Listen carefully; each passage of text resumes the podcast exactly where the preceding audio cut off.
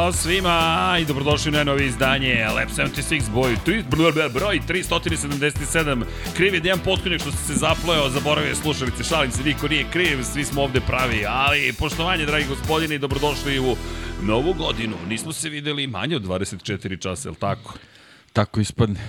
a, a pošto ćemo, planiramo da živimo kosmos i tako još neke emisije, gleda neki da ćemo ovde da, kao što smo rekli, živimo. Znaš šta, možemo bionički ljudi da postanemo, povežemo stolice sa nama, da nam kao transformersima ugrade u kičmu, da samo izađe ovako i znaš, i onda se... Bolje mi klonovi neki. To mi je lepša klonovi mi su ti bolji, ja. Da. Ba, pa dobro, ako hoćeš klonove, napravit ćemo klonove, samo da ne bude rat klonova. da ne uđemo u zvezdane ratove. Pa dobro, oni, su, oni nisu toliko emotivni. Tako da, da lako da će da rešiti lako. svaki problem. E, pre nego što krenemo, zapravo zna se kako krećemo ljudi, mazite se i pazite se i vozite računa jedni u drugima i srećna vam nova godina još jednom. Ovo je prvi Moto Grand Prix Lab 76 ove godine. Od cijele nedelje sve će biti nešto po prvi put. Prvi F1, prvi Moto Grand Prix, prvi 1 na 1, to će sutra da ide, ne znam tačno u koje vreme, ali negde uveče, znate kako, sa nama se nikad ne zna, mi kada najavimo novu godinu, nova godina zakasni. Nova godina je kriva što je kasnila i što je bilo u pola 1, to je 0020 7 ili kako god. A ko nije pogledao novogodišnji specijal, mi se nadamo da ćete ga pogledati, mi smo se lepo zabavili, pa eto, nadamo se da će i vama biti zabavno koliko je bilo nama dok smo ga snimali i dok smo razmišljali da li će tu iko da pogleda. Ljudi, trenutno smo frapirani, ali hvala na tome. No, da bi naše frapiranje poraslo još više, ja vas pozivam i molim vas još jednom, kliknite na subscribe. Znam, dosadan sam, ali subscribe nam i tekako pomaže, moram predstaviti govorim da sam dosadan. Uporan sam, ajmo tako da, da, da eufemizam za dosadu. Dakle, evo, lepo izlazi Infinity Lighthouse, join i subscribe. Ko klikne join, uhu, taj nas podržava još više, a kao što možete vidjeti, udarnički smo ušli u 2024. pauze nema, niti smo je tražili kao. Danas neko mi je rekao, ja što sam se lepo, da, da knjigovođa, kaže, ja sam se lepo odmorila ovih 5 dana, vreme je da se radi. Razmišljam, ja, ja bih još 55 dana, ali zapravo ne bih, iako je otprilike toliko ostalo nekih prvih trka. No, o tome ćemo da pričamo večeras. Ovo gledate u premijeri. Nismo uživo, zašto? Vrlo jednostavno, naš dragi kolega, prijatelj Mile Jao, ili ti Mile Jao Ilić. Jao, Mile Jao Ilić, kao da je igrao u Kini. Mile Žao Ilić. Mile Jao Milić Ilić zapravo snima večeras, to je radi direktno, pa eto, pogledajte, ukoliko ovo pratite sa nama, hm, dva ekrana su vam potrebni, nisam baš siguran. Pogledajte poslu snimku šta je Jao Mile radio, ali studiju mu treba 21.00, a mi smo rekli, Mile, naravno izvoli, sto je tvoj, mi ćemo da snimimo u pola dva, zato je sada pola četiri, pa ćemo da krenemo, je li tako? Pola, pa tu nismo, tu tri, a u deki, nisam zakasnio više od pola sata, ovo je, ovo je, ovo je spektakularno i vreme je da krenemo u akciju ove godine. No, pre nego što krenemo, sponzorska poruka, budite dobri jedni prema drugima i kao što smo rekli, mazite se i pazite se i vozite računa jedni drugima, uradite nešto dobro, nešto lepo, nešto pozitivno sa sebe, za druge, kako god, pročitajte knjige neke lepe, budite na trkama, pričat ćemo o tome gde da idete ove sezone. Ja vam želim da bude zdrava, srećna, uspešna, puna ljubavi i puna sjajnih trka. To smo poželili sinoć. Ako se pitate ili ste se pitali sinoć gde je Paja Živković, to je gospodin Pavle Živković, on je sada bukvalno pod kapicom i u velikim pripremama za Waterpolo koji počinje sutra. Mislim da će sutra i snimiti pod kapicom, tako da ćete imati pun program na, na Infinity Lighthouse-u. Možda se čak desi da imamo tri stvari u isto vreme. To još nismo imali, ali eto, za sve postoji prvi put. U svakom slučaju, ko želi Waterpolo da prati, topla preporuka naredne dvene, e da, topla toplu preporuku. Jesi vidio? Neko je rekao, penzionisu sam, apropo, uveo sam toplu preporuku. Tako da, od sada zvonce ne koristimo da ne budimo deco, ali topla preporuka mi je poštapalica za 2024. U, moramo majice da napravimo. Apropo, topla preporuka. E, da, kad smo kod majica, mla, u nekim smo akcijama. No, e, veliki pozdrav još jednom svima. Kliknite like, share, subscribe. Danas ćemo pričati o kalendaru za dvotočkaše. Juče smo pričali o kalendaru za četvorotočkaše i sad ne znam da li je samo neki moj subjektivni osjećaj, ali nekako kada pogledamo ovaj Moto Grand Prix kalendar i šta sve imamo da pričamo, emocije, moram ti priznati nekako kao da su više na strani motociklističkog kalendara i onda razmišljam zašto, deki, ja bih volio da mi to malo prodiskutujemo i da izanaliziramo. Juče smo pokrili i Formulu 1, i svetski šampionat izdržljivosti, i šampionat u reliju, i IndyCar do nekoj, dotakli smo se i NASCAR-a, spomenuli Dakar, pozdrav za Jureja Šebelja, ko, Šebelja koji vozi na četiri točka, ali pričat će malo i Dakaru na dva točka, znam da neki navijaju što za KTM, što za neke druge, ali pozdrav za Zeku 75, ovo je bio shout out specijalni, međutim, činjenica je deki da juče nekako to išlo onako, stvari čekaj, kako si? Super. To ti kažem, raspoloženje ne... Srki veliki, danas nismo sami. Danas stigo nam je Srki veliki. Juče smo imali tako neki, ne, ne, neku situaciju. Je li sve u redu danas? Sve, sigurno? Biće za dva meseca još bolje. Dobro, izljubi majku. Evo, mi šaljamo mami ljubav. Za ljubav za sve mame. Pozdravite svoje mame, čuvajte ih, mazite ih, pazite ih. Koliko god da vas potencijalno možda nerviraju ponekada, To nam je posao. Mi kao deca, oni kao roditelji i to je to. Neki kao roditelji takođe, mada nečije deca dok gleda na sat i navija sat su porasla toliko da će možda uskoro biti i u Datum podcastu. Datum je pogrešan. Sad sam video. Sad si video. Da. a ne vidi baba, moram naočar da počne da nas... E, ja uporno odbijam. Nego ovde kad dođe, valjda ovo studijsko svetlo pa se bolje vidi. a pomislio si loše osvetljenje, pa zato ne vidiš. Da, inače, ja sam kupio ovaj sat koji je mnogo lep, ništa ne mogu da vidim, zato što ne, ne vidi se kazaljke, uopšte, aj reci mi vreme. A, to je razlog. A, dobro.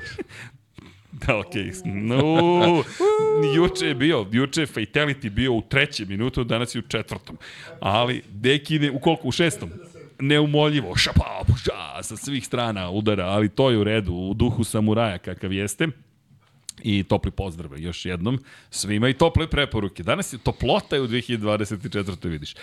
Nego, ja bih da se osvrnem na taj kalendar, deki, nekako danas kada evo, dolazimo u studiju i razmišljamo o tome šta ćemo sve da pričamo i moram ti priznati, nekako kao, ne znam, su Red Bull i Max doveli do toga da kad je reč o kalendaru Formule 1, razmišljam šta sad da, da kažemo. Prošle godine pobedio čovjek u 19 od 22 trke i nemamo pojma da li će se ta potpuna dominacija nastaviti, to je moj neki utisak, a onda kada pogledam svetski šampionat izdržljivosti, njemu smo posvetili zaista najviše pažnje, Reli nekako više u kontekstu događaja nego ljudi, i ti si mi dao odgovor na pitanje, ljudi, kao i uvek, deki, ajde, podeli utisak tvoj. Tako delo, pa utisak je, eto, baš, baš oko te neke naše dve emisije, onako kad, kad sa strane u stvari pogledaš to kad napraviš te, te skupove, uh, juče smo zaista najviše pričali o kalendaru, jako malo smo spominjali same učesnike, eto ti si inicirao da, da je red da bar spomenemo ko, ko su šampioni pa da. u,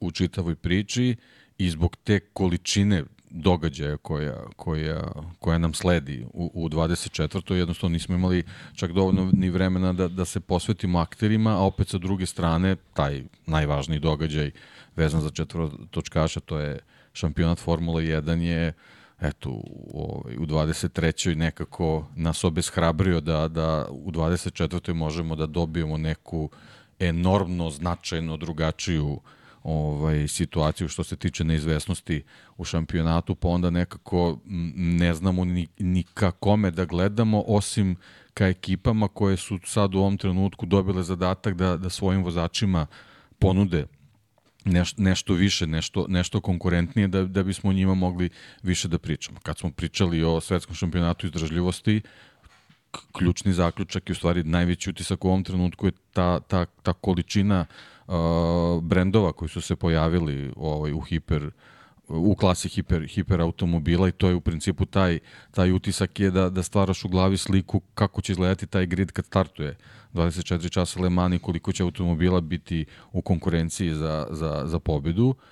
I nekako nemamo u, u tom nekom preseku o, ne, neku ključnu osobu za koju, za koju smo se uhvatili da pričamo o njoj, znači osim što smo spomenuli Maxa Veštapena, a sa druge strane kad smo pričali o VRC-u, spominjali smo da Karl Rovanper odlučio da ne vozi celu sezonu.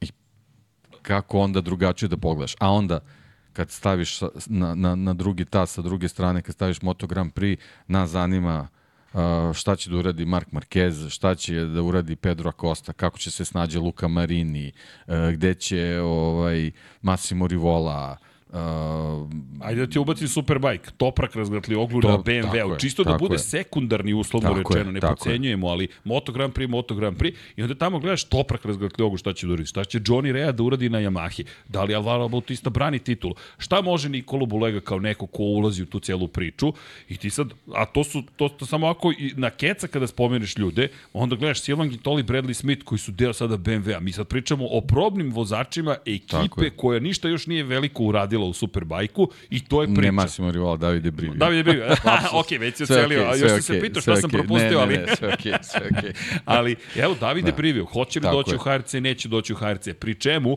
iskreno, ove godine moram da pohvalim Moto Grand Prix. Honda Repsol je već izbacila prvi intervju sa Lukom Marinijem. Luka koji opisuje i pokazuje svoje slike u Repsol Honda bojama kad je bio klinac. Dakle, mi govorimo o čoveku koji je brat Valentina Rosija, koji nosi ozloglašene boje iz perspektive kampa Valentina Rosija, to je jedno vreme su se voleli, kada je napustio Hondu to više nije bilo, nije bila ta ljubav, daleko od toga, duguju mu uslovno rečeno motocikl.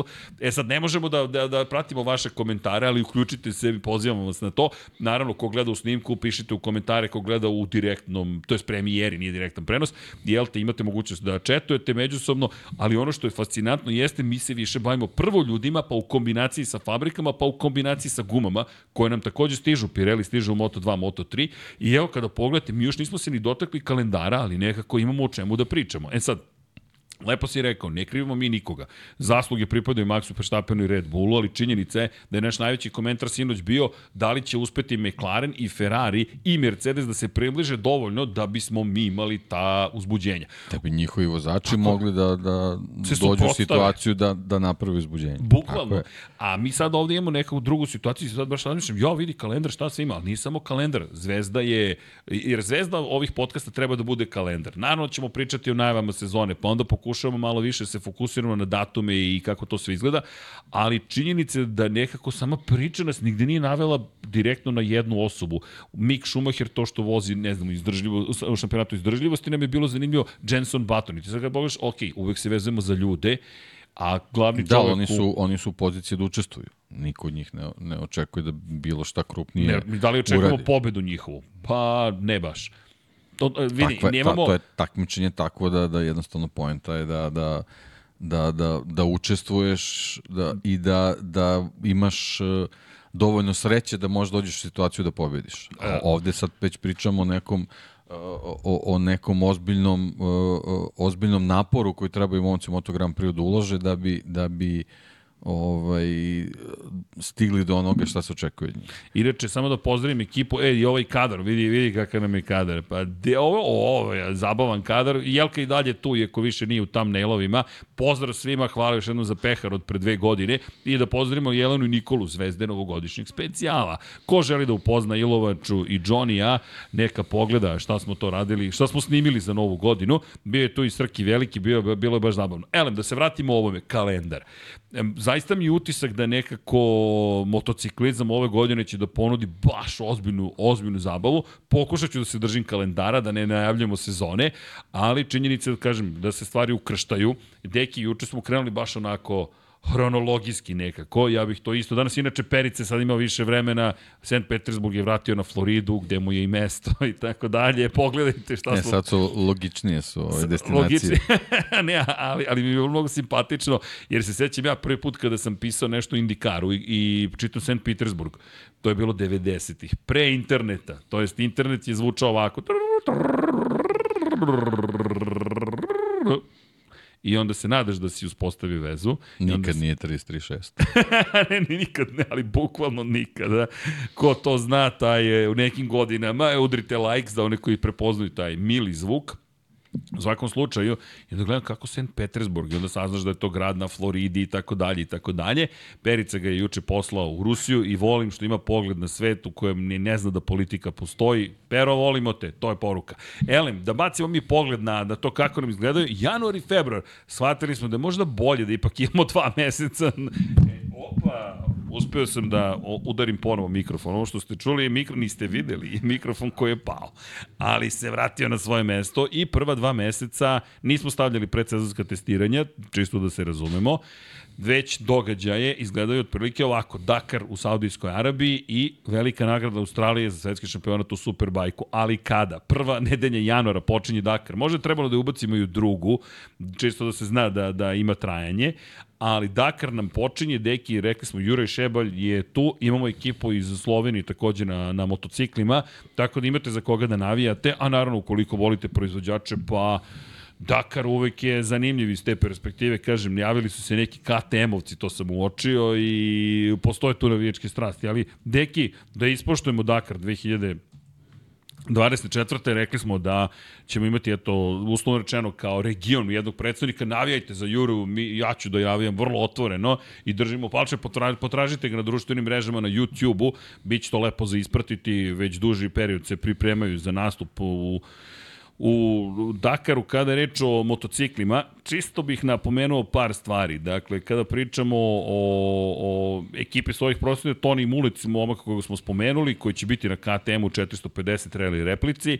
pa eto, to je neko koga, eto, mi gledamo da, da budemo onako malo navijački. Simon, ne znam da, je, da ko, ko će još biti, čini mi se da će biti Simon Marčić, ako se ne varam, to su ljudi koji sam uspeo da pronađem juče kada smo pričali o tome i eto, topla podrška kogod da je sa ovih prostora, bez obzira pod kojim zastavom vozio, da, da li vozi, ne znam, za SAD, a sa ovih prostora je poreklom, navijamo za vas. Elem, kada pričamo o Dakaru, samo da napomenemo par stvari, pošto smo spomenuli e, pobednike. Nismo juče ispoštovali pobednike, moram da priznam da smo to zaboravili, ali e, kada pričamo o pobednima, Nasser Al-Atija, čuveni katarac, koga možete uvek da vidite kada su događaji u Kataru, što Formula 1, što Moto Grand Prix, je bio u pobedničkoj poseti, Matthew Pomel, takođe Toyota Gazoo Racing, oni su zabeležili pobedu u automobilima. Na motociklu Kevin Benavides, fabrički vozač KTM-a, Red Bullov, Argentinac, čuveni, Kada je reč o kvadu, Aleksandar Žirov je zabeležio pobedu za Yamahu na lakim prototipima Austin Jones i Gustavo Guželmin, koji su takođe predstavili Red Bullov, zapravo juniorski tim. Zatim, kada je reč o SSV-u, Erik Gozal i Oriol Mena su pobedili Energylandia, rally tim je bio u pitanju. U kamionima Janus van Kasteren, Darek Rodevald i Marcel Snyders, to je boss machinery tim gde Rui i Veko bio. I u klasiku Juan Morera i Lidija Ruba u Toyota Classic su zabeležili triumfe. Tako da, eto, napomenemo samo ko je to bio najbolji prošle godine da ispoštujemo ljudi koji su odradili, prvo završili trke, a zatim uspeli da dođu i do zaista velikog uspeha. Bilo je interesantno pratiti prošle godine bitku, pogotovo kada je reč o motociklima, rekao bih da je to bilo vrlo, vrlo interesantno. Ove godine vidjet ćemo kako će biti, pošto pričamo danas o dvotočkašima, samo da napomenem da je u konačnom rasporedu razlike između Kevina Benavidesa i Tobija Prajsa bila, i ne šalim se kada vam ovo, kada ovo kažem, 43 sekunde. Dakle, 44 časa, 27 minuta i 20 sekundi su proveli na motociklima. Ljudi, nemam reči i da završite sa 43 sekunde, ili Skyler House koji je bio na Husqvarni treći, 5 minuta je samo zaostao. Bukvalno mi govorimo, ne znam, o Moto3 trci. o Moto3 da, ali generalno mislim da i ove godine ne, neće biti neke, neke velike razlike što se toga tiče, što se tiče ovaj, razlika u borbi za pobedu, tako da ovaj, motociklisti uvek uh, uvek pruže tu, tu neku zanimljivost i neizvesnost do samog kraja, tako da verujem apsolutno da će biti tako i ovog puta. Eto, mi vam toplo preporučujemo da, da ispratite ako možete, koliko možete, Eurosport će biti zadužen ponovo za informacije. Inače, to je bilo druga titula za Argentinca prošle godine i uh, pobedio je pred kraj, zaostao je 12 sekundi za Tobijem Priceom, koji je inače klubski kolega i na kraju odneo pobedu, zaista nešto što se ne viđe baš tako često. I ono što je zanimljivo da je čovek koji je prvi u istoriji Dakara pobedio zapravo na dve različite mašine, dakle on je zabeležio pobedu na Hondi 2021. I čak mislim da smo po, poklanjali Benavidesovu opremu, tada je bio deo Monsterov, Monster Honda ekipe, ako se sećate, smo tako poklanjali smo i majice. Da onda je prešao u Red Bull, je li tako bilo? Nisam siguran da njegova oprema bila, ali, ali Mislim da je Benavides bio uh, ne setim, da. godine već čine svoje, 2000, znam da nam je Andrej to bio poslao, ali u svakom slučaju činjenica je da je, da, da je zaista bilo neverovatno gledati tako, tako takvo finale i ono što je bilo zapravo problem za Price u tom 14. 14. brzincu je bio što je promašio tri zapravo e, tačke koje je trebalo da, da, da pogodi i bukvalno sebe koštao pobjede ljudi, mi pričamo o nadljudskim naporima, a govorimo o razlikama u sekundama posle ne znam ja koliko dana, 14 dana takmičenja, otprilike aktivnog, tako da je to bilo fenomenalno i pohvalio bih iskreno Hausa koji je kao da ste dobili Pa koga bih mogao da uporedim, ajmo da se okrenemo, ko nam je s brkovima u NFL-u, quarterback, ne Rodgers, nego Minšu, e, na Gardnera Minšu me podsjeća, jer ima baš onako brkove ozbiljne i onako izgleda kao neko ko je zalutao u pustinju, ne je zalutao na Huskvarni, bio je baš moćan. Tako da, eto, to mi je preporuka za Dakar. Dakar inače započinje takmičenje 6. januara, 19. januara se završava, 12 brzinaca bi trebalo da imamo ove godine i eto, čekamo da vidimo kako će to sve da izgleda. 136 motocikala je prijavljeno, 10 kvadova, 73 automobila, u Challengeru 43 takmičara, u SSV-u to je T4 36, kamiona 47, ukupno 345, a kada govorimo o klasiku, 65 automobila i 15 kamiona, 80 takmičara u klasiku. Tako da je ozbiljno takmičenje u pitanju. Eto, mi se nadamo da, će, da ćemo imati zaista lep Dakar i da će Juraj nešto uspeti da postigne. Inače, maraton je, e, inače petoga je prolog, petog imamo prolog, ukupno imamo 158 km, vožnji 28 km kada je reč o e, specijalima i do 6. to jest izvinjam se do 11. se voze klase, to jest vozi se uobičajene etape, e onda imamo maratonsku etapu 11. na 12. 532 km će trajati specijal. Dakle, nije da u, ne znam, u nedelju nećete imati nešto kraći put 470 km, ali zaista će biti uzbudljivo, ja verujem, kao i uvek. I to je neki lep početak sezone. Ove godine, kažem, Dakar nastavlja tamo, a to smo juče rekli, izvinjam se, kao da sam se prebacio u emisiju, samo da napomenemo ponovo Saudijska Arabija, Deki, nekako i ti ja malo patimo za, koliko god čudno zvučalo, Dakar, grad u Africi, se preseli u Južnu Ameriku, ali Dakar je sada sinonim za tip takmičenja. Nekad su to bila takmičenja Pariz-Dakar. Bukvalno kreneš u Parizu i završiš u Africi. A tako se zvao Reli, realno. Realno se zvao Pariz-Dakar, da. da. Ovaj, ali nekako ta čita organizacija u, u, u tom nekom, nekom, nekom modernom razdoblju vezano za, za Dakar je ono, što se mene tiče, uspela da održi kvalitet e, tog takmičenja u, u godinama kad je možda čak i pretila da, da, da se to sve razvodni i da možda izgubi, izgubi taj, taj neki neki moment, moment te spektakularnosti koji je Paris Dakar donosio, tako da ovaj, vidim da, da tu nema problema ni, ni, ni sa takmičarima, ni sa njihovom željom da se pripremaju za, za ovu trku, tako da što taj period kad je voženo u Južnoj Americi, što sad ovaj novi kad se, eto, jednostavno, tako to nam je sad neka realnost da, da se sve prilično ovaj, što se tiče vezano za auto i motosport celi u, u, u regionu ovaj, Bliskog istoka iz prostog razloga što jednostavno tamo je velika ovaj, finansijska moć, oni rade na, na promociji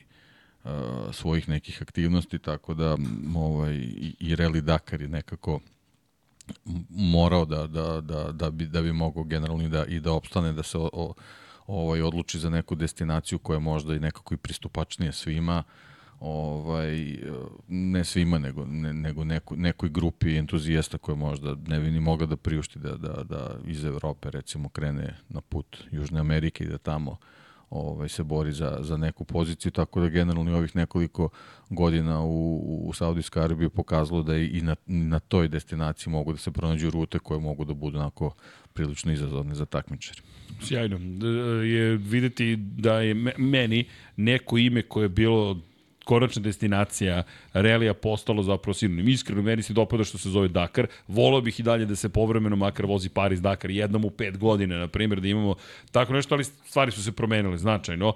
Pitanje da li će to ikada biti moguće, inače Dakar je znao da bude veoma opasan, ne samo da se izgubite, već i da nažalost uđete u ratna područja, uopšte nije naivan reli ni po tom pitanju. Nažalost, mnogo vozača se izgubilo tokom godina pre nego što smo dobili razvijenije sisteme i navigacije i praćenje vozača i dalje vrlo opasan, dakle nije baš lako pružiti prvu pomoć koliko god je tehnologija napredovala, tako da veliki pozdrav svima koji učestvuju u Dakaru samo napred i naravno svi koji prate Dakar, nije ga baš lako pratiti kao i sve reali događaje, da sedneš, nije televizijski događaj, već na kraju dana se sumiraju utisci, ko je šta, gde, kako uradio, priče, intervjui, ali opet i to je lepo videti i mislim da treba posvetiti pažnju Dakar, prosto to lep početak godine. To je onako stvarno izazov, znaš, za, za, za sve vozače, pre svega za, i, za, i za realiste koji su nekoj, nekoj drugoj priči, onda kad dođeš znaš, na neko takmičenje, nisi baš u mogućnosti da, da pre nastupa na, na, na ispitu, na specijalu provozaš, nego jednostavno bukvalno krećeš onim podacima koji imaš, oslanjaš se na navigaciju, a opet sa druge strane moraš da voziš maksimalno brzo da bi, ako imaš naravno pobedničke ambicije, da bi ostao u toj konkurenciji, tako da ovaj, veli, veliki izazov ovaj, i, i mislim da je njima to zanimljivo, posebno što ove godine uvode taj, bit će taj dan, ovaj, taj, kako su oni nazvali, 48 časovni izazov gde, gde na kraju jednog dana u, u šest popodne, mislim, moraš da moraš da se lociraš u bivak koji je najbliži tvojoj trenutnoj destinaciji i da, da bukvalno tu provedeš vreme do, do, do sledećeg, sledećeg polaska na stazu, znači nema, nema ono već već planirano mesto za odmor, za servis, nego bukvalno moraš tu gde se zatekneš i da budeš, tako da onako šire tu neku avanturu ovaj, koju je taj stari Paris Dakar je nosio, eto, ja samo nadam da će sve da prođe pre svega da, da svi budu bezbedni, a da, a da dobijemo eto, te zanimljive, interesantne rally raid trke, kako, kako se zovu. I lepo si rekao, taj duh avanture je nešto što jest, su zapravo ljudi tražili. Pa evo je ovo što Juraj radi, to je čista avantura, jest. on se nalazi u toj klasik kategoriji, to su automobili, čini mi se, iz 20. veka. To, jest. je, to je neka ideja, ovaj, tako da ovaj, nije to samo bitno znaš, da, da dođu te neke fabričke ekipe i, i vozači koji su u, u, u apsolutno ovaj, kompletnoj fizičkoj spremi, mada generalno svi koji dolaze na Dakar moraju, moraju fizički da, da se pripreme, tako da taj duh avanture je prisutan i drago mi je što, što i dalje ovaj, i vozači to podržavaju, praktično podržavaju organizatora da, da, da te kategorije dalje žive. Da, on ide inače sa pandom. Ne, nije Panda, promeni, nisam Promenio, Terano. Panda je bilo, nisam, nisam Terano, da, da, da, da bilo je Panda, panda na početku. Je, da, da, da, nisam, da. nisam Terano, tako da, ovaj, već na, na prvi pogled je jasno da nije to najmoderniji automobil koji treba da se nađe na Dakar. Ali dobro, lepa je cijela ideja njegova i što ti kažeš, duh avanture živi. Ono što bih voleo zaista jeste da završi. Dakle, samo da završi i da kaže, ljudi, ovo je bila ta avantura koju sam želeo. Konačno, Fernando Alonso je vozio Dakar, čisto da, da ali to ti samo, ja, moje mišljenje govori o Fernando Alonso kao trkaču. Tako da, pozdrav za za Juraja Šemlja još jednom. Pratite ga, zaista ne mogu da dovoljno istaknem, meni to mnogo lepo i moram ti priznati, pazi, on je rođen je 1976. tako da, kako bih ti rekao, znak nosi sam po sebi, u ličnoj karti. da malo te svojatamo. Ali činjenice da, da se nadamo da će biti priliku da ga ugustimo u studiju, da malo popričamo, da, da, da iz prve ruke dobijemo priču o tome kako je bilo i nadam se da će se to obistiniti. Radimo na tome, što bi se reklo. Ako znate Juraja, pa samo ga pozdravite u naše ime. Mada smo već stupili u kontakt, pa idemo korak po korak. Elem, Dakar, dakle, otvara sezonu, vidjet ćemo za dve nedelje ko će tu biti najbolji, pratit ćemo situaciju i kada je reč o nastavku, nemamo baš neki nastavak sezone, motociklisti nisu baš u situaciji u su automobilisti, moraju da sačekaju ipak malo bolje uslove, još uvek, iako je zanimljiv predlog dao, e, to me zanima, ajmo da bacimo pogled na februar, to je januar, februar, dakle, Superbike počinje u Australiji, ja mislim da je Deki ovo negde najranije što može da počne šampionat, da ima smisla iz perspektive nastavka kalendara. 25. februara u Australiji će se voziti. Dakle, to je prvi datum za svetski šampionat u Superbajku. Simon Peterson iz The Race-a je predložio da Superbike postane zimska liga motociklizma.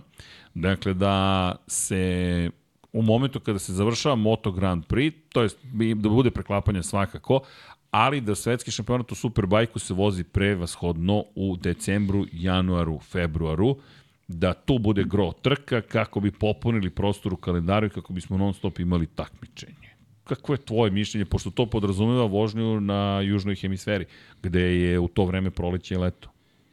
Pa nisam za to, zato što to po meni degradacija šampionata, ovaj, ali generalno možda ne bi bilo loše osmisliti neku kategoriju koja bi se vozile na taj način. Eto, no, onako ukratko. Možda neki, ukratko. pošto imamo dosta takmičenja, na primjer, kada je reč o automobilizmu koje se dešavaju zapravo u da kažemo u zašto zimskom... Onda, zašto onda pravimo pauzu Moto Grand Prix, što, što Moto Grand Prix ne bi, ne bi samo ne cijele bi godine. vozio, ne znam, 2024. kroz 25. Može i tako. Kao što recimo Moto je, ba, Moto dobro, je šampionat u svojim početcima imao kalendar koji se proteza. Formula E, Formula E. Šta sam rekao? Moto je. Mo, ne, Moto je. Ne, Moto je naravno, ne Moto je. Formula E koji ima kalendar ovaj, koji se proteza kroz dve sezone, tako da, kroz dve godine, tako da može, zašto da ne. Ali generalno na taj način ovaj, predložite da bude Superbike, meni to zvuči kao degradiranje šampionata. Pa kao da služi da popuni samo slobodan prostor za Tako Moto Grand Prix. Morate priznati da del, delimo mišljenje. I još jedna stvar koja mi se ne dopada u celoj priči, zaista nemaš nikada onda odmor. Ja duboko verujem u to kao i san. Moraš da u jednom trenutku staneš, moraš da odmoriš. Pa nije samo to, nego to moraš, moraš u nekom trenutku se zaželiš nečega da bi mogao sa nekim istim entuzijazmom da, da gledaš zašto, zašto postoje proslave nove godine, mislim, to je samo kalendar i, i, i neki broj, jednostavno moraš u nekom trenutku da dobiješ neki, neki reset na, na bilo koji način, da li, da li nešto što, praktično što radiš ili, ili nešto što je, što je samo vezano za neke tvoje emocije i osjećaje.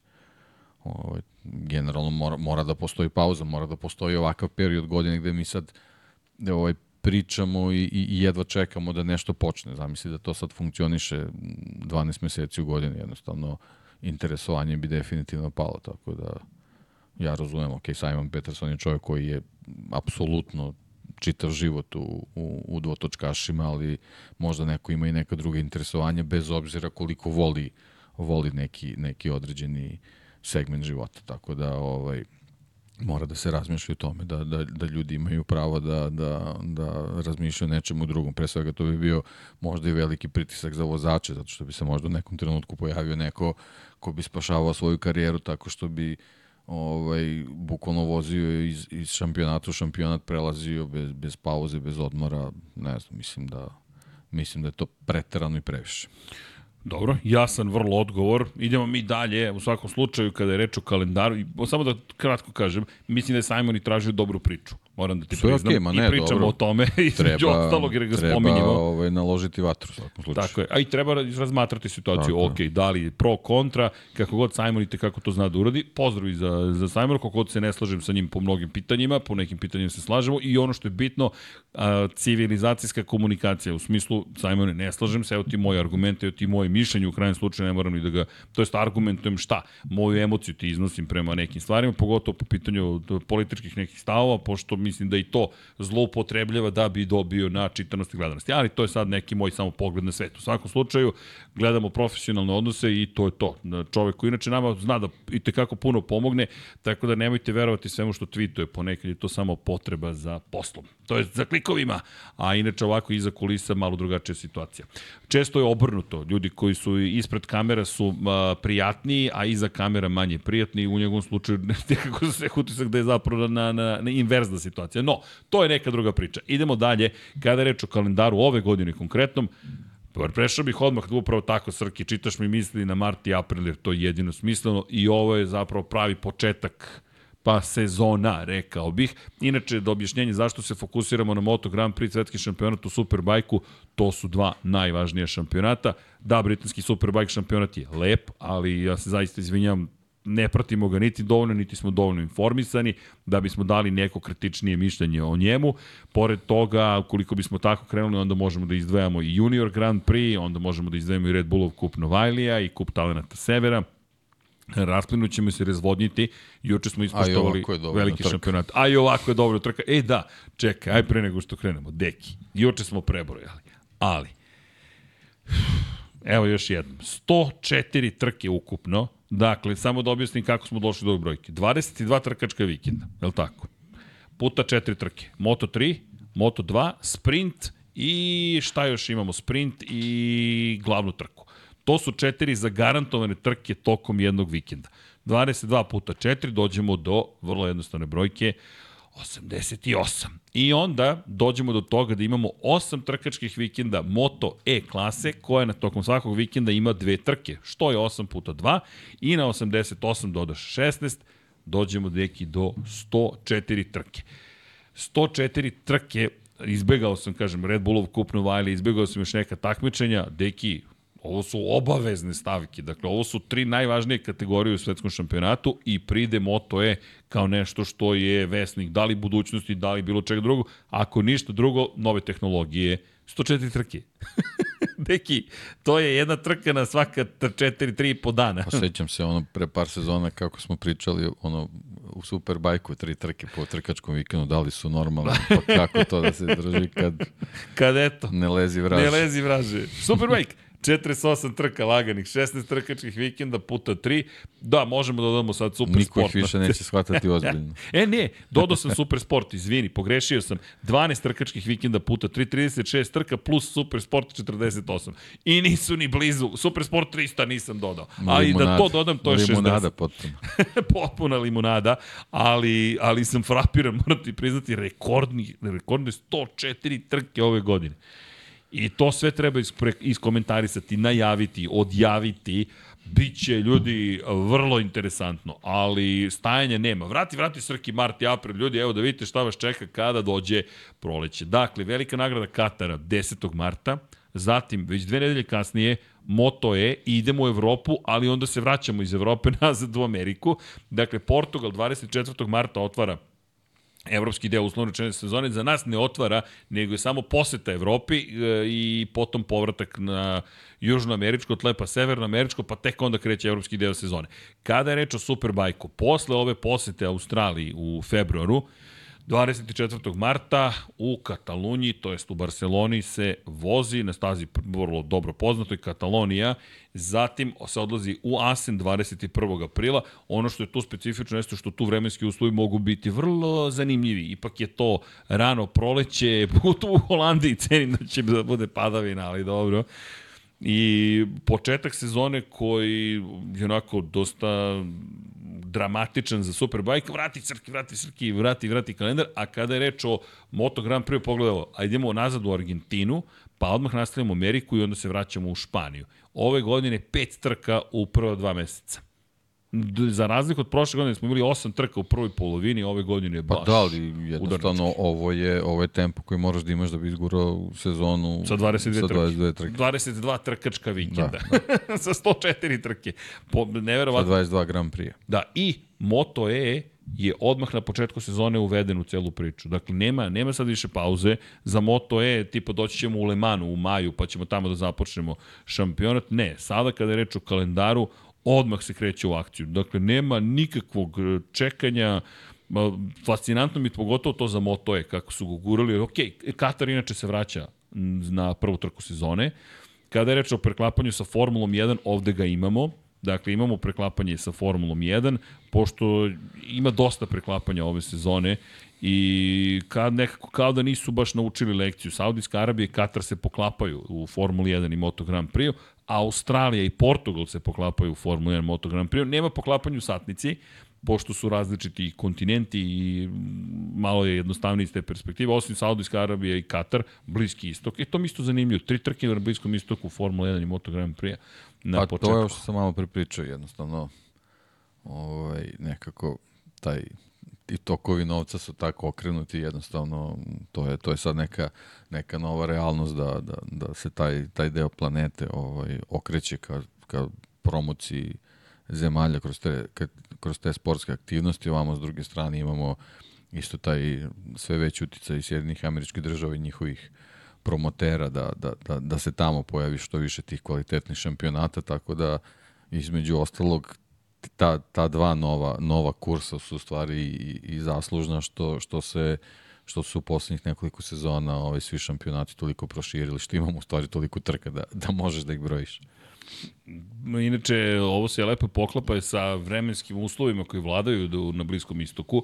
Nisu preterano visoke pa, da, e, temperature. Je, da, da. To je moj neki utisak. Kao da je vrlo pozitivno za Bliski istok da se nađe na početku ili na kraju šampionata, što im i odgovara organizatorima. Zašto? Zato što mogu da plate dodatni novac imaju ga prvo, žele da ga iskoriste i da postave da njihova trka bude prva trka pa, u dobro, sezoni. da li tu upadam u tu zamku tog, tog vremenskog prozora, ali to se dešavalo sa svetskim prvenstvom u futbolu koji je bio, bio u novembru, pa onda neke, neke trke nismo, nismo mogli da, da održimo, neke su odlagane, pomerane i tako dalje, tako dalje, zato što jednostavno veliki broj sportskih događaja, da kažem, na tako malom prostoru, uslovno, ovaj, jednostavno u nekim trenucima ne pije vodu i onda neko mora da, da, da, da bude uskraćen za, za svoj event, tako da ovaj, ili početak sezone, ili početak stvari kalendarske godine, ili da, da si na samom kraju godine kao što, kao što jeste vezano i pre svega za Formulu 1, tako da to su ti neki periodi gde, ta, gde tamo mogu da se, da se voze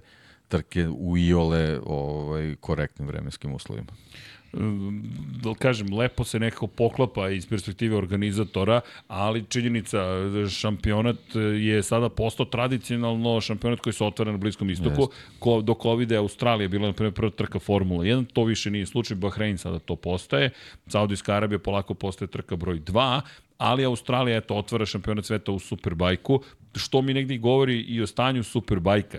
Uz dužno poštovanje prema Superbajku, mi ga mnogo volimo i Deki, se slažeš da će ovo biti jedna od onih važ, ne važnih, nego moćnijih, bukvalno mi je to pridev moćnijih sezona Superbike. Pa ja se nadam, pre svega bih voleo da, da ta neka zanimljivost koju treba da donese ova sezona proširi ovaj, uh, i, i, i taj korpus publike, jednostavno da, da, da ne bude ta ta neka onako potpuno uska niša ljudi koji, koji prate Superbike, stvarno mogu da budu uh, jako zanimljive trke, ali generalno pre svega, kažem, zbog, zbog uh, prenatrpanog kalendara, očekivati neku, neku fizičku veliku posećenost na, na stazama, to jest rast posećenosti ovaj, samih trka je stvarno jako, jako teško očekivati, ali nadam se da će, da će samo, sama ovaj, uh, samo takmičenje stvari dovesti do toga da to bude toliko zanimljivo ljudima da, da, da požele i da, da uživo vide ovaj, te neki od zvezda koji će se naći ovaj Superbike kalendaru, opet sa druge strane i, i na njima je ovaj da, da, da, da to i urade, jer su pre svega prinuđeni, samo da podsjetim da mi za sledeću sezonu, to je za, za 2024. godinu, samo dvojica vozača, ovaj, Andrea Locatelli i Mahi, Toprak Razgatioglu, BMW-u imaju ugovore do 25. godine. Svi ostali vozači ugovori misliču na kraju ove sezone. Znači, bukvalno će biti ozbiljna borba da da, da, da prevashodno rezultatima uđu u pregovore da mogu da, da, da ovaj, nekako bezbede svoju budućnost što u Superbajku, što u nekim drugim šampionatima. I da se dokažeš i da se pokažeš. Apsolutno. A istovremeno i da povećaš sebi vrednost i da kažeš ok, ovo je Tako moja je. vrednost, ajmo da vidimo šta ste spremni da platite i koju ponudu ste spremni da mi date, ne samo finansijsku, već i kada je reč o godinama ugovora i kada je reč o obećanjima kada, kako A naravno, da... jasno, ne, ne mogu svi da pobeđuju, ne mogu svi da budu svetski da, da. šampioni, da. tako da biće zanimljiva borba sa, sa ovo, iz tog ugla kad se posmata, ali kažem, vidjet ćemo da li će to u stvari dovesti da, da te trke budu toliko zanimljive da, da, da poraste i gledanost i da se generalno više i ljubitelja motocikla i generalno ovaj, ljubitelja automototrka ovaj, okrene ka superbajku. Ja toplo preporučujem, evo, da izgovorim toplu preporuku, dakle da počnemo sve da preporučujemo, ali između ostalog zaista mi se čini da da će biti napet ove godine ispratiti ovaj kalendar. I pogledajte, ako se vratimo sada na mart i april i ako pogledamo kako izgleda e, Superbike šampionat, može Srki i to, hvala, je izabrao vrlo ozbiljne staze na početku. Po, po Philip Island da otvore ostrov Filip je prva trka, druga trka je Barcelona, treća trka je Asen. Teki, to su sve klasici. Sa druge strane, e, ok, imamo preklapanje kada je reč o Portugalu i Kataloniji. To mi je malo čudno da su se potrefili u isto vreme Superbike u Španiji i Moto Grand Prix u Portugalu. Ne znam ko je, ko, ko je, ko je planirao ovako, s obzirom na činjenicu da su isti organizatori. Može, može, može kalendar, molim te.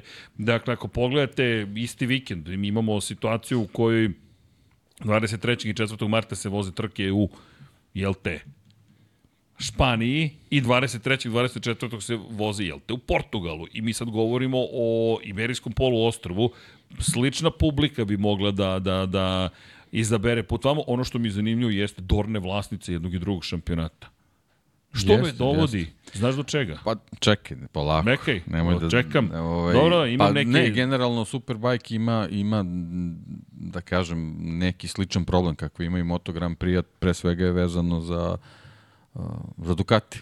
Ajde da budem, da budem precizan. Ovaj, i, i, bukvalno je i u, i u Superbajku možda čak nekako izraženiji ovaj, da kažemo rat eh, Ducatija i ostalih proizvođača, jer jednostavno ovaj, uh, neke, neke restrikcije koje će biti uvedene sledeće godine apsolutno ovaj, ne, neće dovesti do toga da, da, da borba bude iznenačenija. Čak je Johnny Rea pričao o tome. Znači, Johnny Rea nastupa za Yamahu u 2024. godini i u nekoliko intervjua je potencirao koliko je beznačajna ta recimo ovaj situacija da je na primjer Alvaro Bautista na na Ducatiju znamo Alvara koji je onako sitni građi i često smo pričali o tome u stvari da, da je možda taj neki njegov džokejski izgled u stvari e, ključan za taj, za taj uspeh i tu nepobedivost e, na Ducatiju.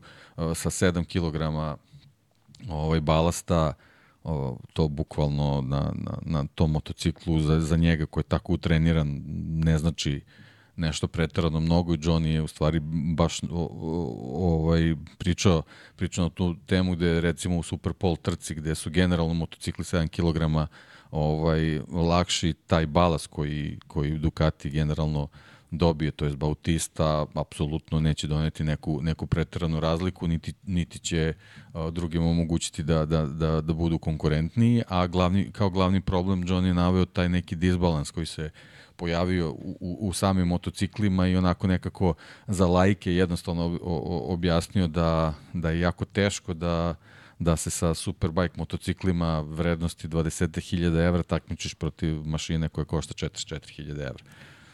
Tako da ovaj to je nešto na čemu bi Dorna trebala da poradi da malo ovaj tu nekako izjednači te uslove da, da, da ti neki hendikepi koji su neki, neki motocikli trpeli recimo eto u prošlosti Kawasaki sa ograničenjem ovaj, broj obrata da je bukvalno njihova dominacija prekinuta iz tog razloga i ko su oni da, da kažemo pod navodnicima potpuno pošteno ovaj, razvili taj motocikl i doveli do toga da bude izuzetna mašina koja je sa Johnnyjem Johnny i Kawasaki su jednostavno harali šampionatom, ovaj, da se nekako na, na taj način ponovo dobiju trke, ali generalno sve to što se dešava ovaj, u, u toj priči i, i, i borbi ostalih da, da nekako ovaj, savladaju Ducati i, i nadmoćnost pre svega Alvara Bautiste pa i ostalih vozača na Ducatiju može da dovede do toga da ljudima bude zanimljivo da prati taj šampionat. E, poziv još jedan, eto, ali ono što je meni sad palo na pamet, što me dovelo do čega, a to je pitanje kakav odnos ima Dorna prema Superbike šampionatu, jer ukoliko ti staviš uz svoju perjanicu u isto vreme da se dešava, ja razumem da nekada imaju probleme, ali Srke, ako možemo bacimo pogled na, na kalendar, da usklade kada će se gde šta održavati, ali neki, ako pogledamo svetski šampionat u Superbajku sa svojih 12 rundi, nije baš da nemaš mogućnost da Kataluniju postaviš negde drugde. Nije baš da, da nemaš mogućnost da kažeš čekaj, zašto bismo Superbike direktno poklopili na istom praktično mestu na Zato delu što nije kontinenta? toliko bitno. Upravo to. Upravo to. Njima, njima je bitno da oni imaju tu neku vidljivost u, u televizijskim prenosima na Superbike se prenosi na Eurosportu, na, na, najgledanijem sportskom, sportskom kanalu, oni na taj način pokrivaju svoje obaveze prema sponzorima i to im je trenutno u prvom planu. Znači ono što smo pričali na početku emisije, sad je na tim imenima koje imamo u, u Superbike-u, imamo Johnny Areo, imamo Alvara Bautistu, imamo sad Nikolu Bulegu, imamo uh, Topraka, Topraka. Topraka kao super zvezdu, Iker Lekuona je tu, uh, Vidi, ne došao- znam, Remy Gardner Remy je Gardner, tu. to sam htio da ti kažem. Danilo Remy, Petrući je tu, mislim, to, to su sad, sad ono, Andreja Zvuči- Janone je tu. I Andrej, ba, bravo, znači, Znači, zaboravljam je Nona, taj, je a, velika Znači, zvezda. dobra prva trka koja je na jednom uh, na jednom kultnom mestu za motociklizam. Dobra trka na, na, u Australiji. Ona, ona može da do, donese eksploziju popularnosti Superbike ove sezone.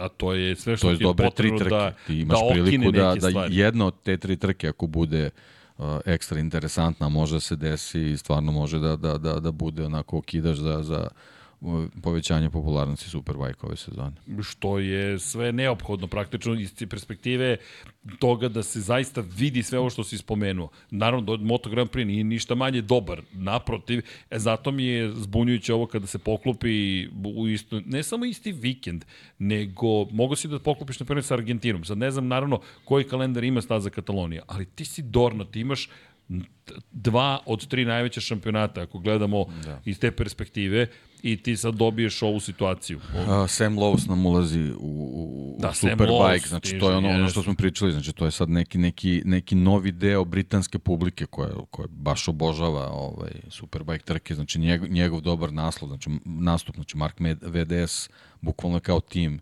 stigao Superbike zbog Sema Lovsa i on će biti na Ducatiju, Janone će biti na Ducatiju, Petrući će biti već, već još jednu sezonu na Ducatiju, znači ako već možda ne možemo da gledamo druge uh, proizvođače tipa znači Reju na, na, na Yamahu ili Toprak na BMW-u, ako ne budu ove sezone dovoljno konkurentni, ostaje nam eto bar nada da će vozači o, o, ova, ove, ove velike zvezde koji su na, na Dukatima, dobro, koji nisu naravno fabrički, ali ovaj, videli smo recimo i prošle sezone Go 11 Ducati sasvim, sasvim kvalitetno može da funkcioniša i on, Janone će biti deo te ekipe. Zamisli Andreju Janone da, da se vrati u sam vrh posle, posle ovolike pauze, kakav to može boost da bude za, za Superbike. Već ja mislim da je Superbike dobio boost, jer mnogo ljudi već nas pita šta mislite o Andreji Jenonu. I meni je fascinantno zapravo interesovanje koje, koje donosi sa sobom Andreja Janone. Moram ti priznati da nisam to očekivao, raduje me, nemam ništa protiv, ali sam frapiran da posle četiri godine taj čovek i dalje privlači toliko pažnje. Daredevil. Derde, ali bukvalno, ali vidi šta ti je harizma, privlačnost, čak i to što se dopingovao, što imao jednu na, od Alan Fordovsku odbranu na sudu, bukvalno na nivou, ne, na nivou, veruj mi, Delboja i Rodnija Trotera.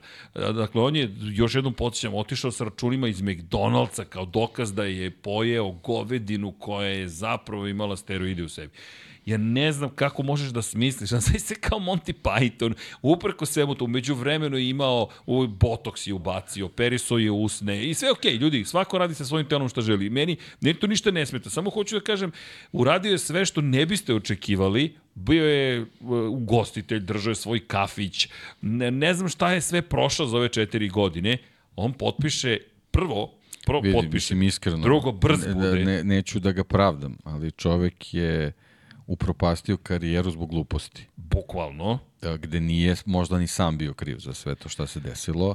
Tako da neki njegov uh, uspešan povratak u, u motociklizam može samo motociklizmu da donese. Naravno da će doneti njemu, ali samo motocikl može da dobije ovaj, od, od... Znaš kako? Ja jak, jak Janone, jak, jak Superbike. Jak, još jak. E, sad sam i ja skontao. E, sad sam i ja skontao. Vežba me, deki, znaš. Ali dobro, hvala, hvala. E, hoću lično da shvatim. Ali sam uhvatio, nije baš krenulo je da leti iznad glave i onda je bilo, oba, hvatam ga, nisam kod Drax the Destroyer. Nothing goes over my head. Ali, da, hvala ti, Deki, na tome, hvala. Hvala tebi. A, nije? ne, ne, hvala tebi, hvala. Doktor, doktor. ne, Jan, on je, inače, bio brz, to je druga stavka. Odmah je bio brz i treća stavka jeste činjenica... Pa, znaš da... kako, mislim, Hajmo. jednostavno je, ovaj, jeste Superbike trkački neka posebna mašina. Dobro. Nije, nije teško uvozati se na, na serijskom Superbike, to je na serijskom motociklu, pa da posle sedneš na, na, na trkački superbike. Okay. Mnogo je, mnogo ima, je ima lakše istine, dobro, dobro. se utrenirati za to nego za Moto Grand Prix motocikl. E, činjenica, činjenica. Tako da, ovaj, on, ja verujem da on sve, sve ove četiri godine da je vredno radio na tome da bude spreman da se vrati Superbike. Pa, pa Mislim, vidi... dobro, poznajući njega i sad te sve neke stvari koje je radio, možda to nije baš u svakom trenutku bilo tako, ali verujem da, da, da ima taj sportski živac u sebi i da je, da je bio spreman da, da, da jednog dana ponovo bude Evo, u šampionatu. Upravo gledam e, njegove, njegove rezultate zapravo i, i fascinantno mi je. Inače ima 34 godine. To dakle, sam sad teo da kažem, to je jedini problem malo ovaj, krštenica radi svoje. radi, radi svoje, da. ali, ali fascinantno, on je čovjek seo na aprilu 2019. godine, poslednji put kada smo ga gledali diskvalifikovan u Maleziji i Valenciji, u Australiji je bio na šestoj poziciji na aprili. Dakle, mi, mi smo do prošle godine pobede u Argentini, Aleša Espargara govorili o aprili, šesta pozicija, to je vrlo dobar rezultat, peti, treći, četvrti ako budu. On je te, ušao, upravo je ulazi u formu u momentu kada da. sve to počinje da se dešava. I ti pogledaš čoveka koji je pre toga inače na Suzuki završio sezonu, prethodno odustao u Maleziji Valencija, ali bio drugi u Australiji na Suzukiju. Inače, to se zaboravljali, ljudi. John Mir je došao umjesto Andreja Janone na Suzuki. Ajmo sada da budemo, da, da se igramo alternativne istorije. Andreja ostaje u Suzukiju 2020. takođe. Ko je šampion sveta? Alex Rins. Alex Rins. ne, ne, ne, ne, ne. Da li Franco da... Morbidelli. Ne, ne, Alex Rins. Alex Rins bi sigurno ovaj, unovčio to. Ali čisto da se zna, Andreja Janone, evo, prva sezona na Suzuki, ja mislim da njega koštala karijere zapravo. I to je period kada je Suzuki dve stvari pogrešno uradio. Pogrešne odluke i pogrešno vreme na pogrešno mesto. Sve je pogrešno. Bukvalno sve je pogrešno. Inače, Mister te sezone, pogrešni. Mister pogrešni, bukvalno, baš je bio manijak. I desilo mu se da je da Suzuki te godine zapravo zamajac imao kao sastavni deo motora i nije shvatio. Inače, to se zaboravilo. Ko je prvi uveo... A ne smemo da zaboravimo. A to ne smemo da zaboravimo, i to, jer to se ne radi. E, šta se desilo? Desilo se da je Ducati smislio način da opet Ducati bude inovativan i zamajac je pomerio van toga da bude u homologacija motora, već da može sa spoljne strane da se menja. Dakle, koliko god to sada zvučalo kao nešto što ček, ček, ček, šta su uradili, to su uradili, Suzuki to nije mogao i zahvaljujući tome su došli u situaciju da ne mogu da menjaju motor tako da ne budu, budu fleksibilni poput Ducatija. Sada svi to su uveli već kao svoje pravilo, Ducati stalno inovira i Suzuki je cele te godine bio s motorom koji je bio nepromenjiv. Sada nova ova pravila koja su uvedena u Moto Grand Prix po pitanju zapravo izjednačavanja odnosa snaga i možemo reći koncesija dovode do toga da vi motor možete da menjate ukoliko ste u lošoj poziciji. Što mi se dopada kao pravilo. Ej, pogrešio si na početku sezone i sad cijela godina je izgubljena. To je Pogrešno je, to je Formula 1, mislim da mora da menja, ali ok, to je druga priča. Dakle, Suzuki ili ista, ali Formula 1 ima malo drugačiji pristup stvarima. I u svakom slučaju, tu sezonu je proveo posle pobede u Ducatiju i dobrih rezultata u agoniji. Baš je loše izgledao. Sledeće godine Suzuki sredio motocikl, četiri puta bio na pobedničkom postolju, tri treće mesta, jedno drugo mesto. To uopšte nisu loši rezultati, pogotovo u tom momentu. Suzuki još nije došao do tog nivoa, na kraju su odustali od celog šampionata. Ali eto, lepo si rekao, Andreja Janone, čekamo ga da vidimo šta će da uradi. I baš me zanima da li će ponovo biti manijakalni Džor. Vidi, ti sad njega ubacuješ u priču sa Reom i sa Bautistom i sa oglom. Pri čemu Scott Redding neće ništa agresivan manje biti, njega ne spomenu smo u celoj priči, a treba... Remy Gardner koji Remy se pro, Gardner. probudio. Tako je. Ima mnogo toga. Ne znam, ima, ima. Baš, ovaj... evo, pogledaj koliko Sam posvećamo pa. Sam Lowe's isto, zašto da ne? kao zvezda. I, e, I zašto posvećujemo toliko pažnje Superbajku? Toliko ćemo Iker pričati o motoru. E, njega ne treba poceniti, slažem se. Apsolutno ne. Ni Buleg. Čovek koji čak bio u igri da bude na Repsol Hondi. Čekaj, a, a, a Rinaldija? Ne, ne spomenu smo čoveka. Axel Basani koji je prošle godine na nekoliko trka bio fenomenalan. Jeste. Izma ti osmih Bulega na kraju krajeva. Pa da, Bul, Bulega... Čovjek izlazi kao šampion u čitavu pa, priču. Pazi, pri čemu Uh, ko će biti na Ducatiju? Bautista, Bulega, Petrucci, Lous, Rinaldi, Janone. To su Ducatijevci za sledeću godinu. Šest Ducatija na, na, na, na BMW-u. Gerrit Gerlof, da ne zaboravimo, i Gerrit Gerlof ima svoju priču. Scott Redding, Toprak razgratujem i zaboravljeni Michael van der Mark koji je svojevremeno bio otkrovenje. Na Hondi Iker Lekona, Čavi Vjerhe, Adam Norodin, Taran McKenzie. Dakle, to, to je ekipa. Kawasaki, Alex Lowe's, brat blizanac Sema Lowesa, Axel Basani i Tito Rabat. Vidi, Tito, ako ništa drugo znamo ko će imati najviše krugova u celoj priči. I onda dolazi Yamaha, Filip Edl, Bradley Ray, Andrea Locatelli, Jonathan Rea, Dominik Egerter i Remy Gardner. Pff biće baš onako zabavno. I, I ako pričamo o ligama, da, Moto Grand Prix isto ima, ima veće zvezde, ali ljudi, oni su male zvezde, ovo je ozbiljna ekipa vozača. Elem, da se vratimo mi na kalendar. Kalendar za ove druge zvezde, koje, eto, kao što možete vidjeti, počinje vrlo onako žestoko. Ali idemo na maj, odmah me Srki prebacio na maj. I sad pogledajte, ako možemo da skakućemo, ne znam da li si tako organizovao, uh, april, ajmo, ajmo vrtimo mart, april, maj, jun. Pazite sad, obratite pažnju na na, na, na, na MotoGP i na Superbike. Pogledajte Emilija Roma i opet ništa ne razumem Tornu, kunem ti se, ne, ne razumem, zaista. Ne, ozbiljan sam. Uopšte ne mogu da shvatim. Dakle, evo, imamo dakle, dve trke, jednu mesečno za Superbike. Ajmo onda na maj i jun. U maju nema trke. Ne, ne trke. Ne, pogledaj, ti, ti čekaš dva meseca manje više se vratiš na stazu. Od 21. aprila do 16. juna ništa. Ne ničega. I onda poklopiš sa velikom nagradom Kazahstana i sa 24 časa Lemana. Jer to ništa nije gledano. Šta? Ne, ne razumem, imaš ovoliko praznine, možeš da biraš gde ćeš da smestiš i ti izabereš vikend kada se vozi prvi put u istoriji Kazahstan i kada se vozi 24 časa Lemana. Četvoro točkaši. Pa možda zbog, pošto stavio si Ostaru Oman to je, ko je, to je datum poslednjeg trkačkog da, dana. Da, to, je, po, to sam stavio 8. juni, poslednji trkački dan. Zapravo on možda, traje dve nedelje. Možda proizvođači nisu zainteresovani da voze Superbike zato što žele promociju na Ostrovu Man. Dobro, koji ali... traje koji traje dve, tri nedelje. Dobro, okej, okay, onda maj je posvećen tome. Što ne bismo 23. juna otišli negdje? Na primjer, ne mora se potražiti moguće, sa Moguće, da, moguće, moguće. Nije mi jasno. Zaista mi nije jasno, nije mi jasno. Ne, ko, ko najgore od svega je poklapanje sa, sa Moto Grand Prix. Ponovo. To je, to je, to je problem. A ti si vlasnik toga. Znači, kako, kako ti taj dan da, da gledaš uživo I jedno i drugo. Jedno i drugo. Isti kontinent, pritom, pritom ista Imola. priča. Superbike Imola. Imola. Legendarno mesto za Superbike. Ej, tamo želiš da odeš u Imolu da gledaš Superbike. Ako će negde biti puna staza, puna, pa da, puna staza, pune tribine za, za Superbike, to je Imola. To bi, zaista bi trebalo da bude to. Ali da... Eto, to je jedna od preporuka gde ići, ako hoćete Superbike da gledate. Hoćeš da ubacimo preporuke. Vrati Tople, Srki. Tople preporuke. Tople. Nema hladnih preporuka. Toprak preporuke. Toprak preporuke. Ej, vrati maj. E, april, izvini. April, april. April, znaš šta? Ovako, ljudi, svako ko živi u Sjedinjim američkim državama, diskusije nema. Dakle, ukoliko nas pratite u SAD, kota od, obavezan odlazak. Ako koliko ste u Južnoj Americi, malo teže stići do Termas Rio Ondo, ali... Pa zato nije preporuka. Da, teško Iskreno, je. Da. Teško, teško nam je da, da vam kažemo Idite, u Portugal iskreno ne bih išao 24. marta, odmah da se razumemo, ladno duva vetar i pojkutujem Portimao, zato što je opasan, da. nadam se da će da ga srede.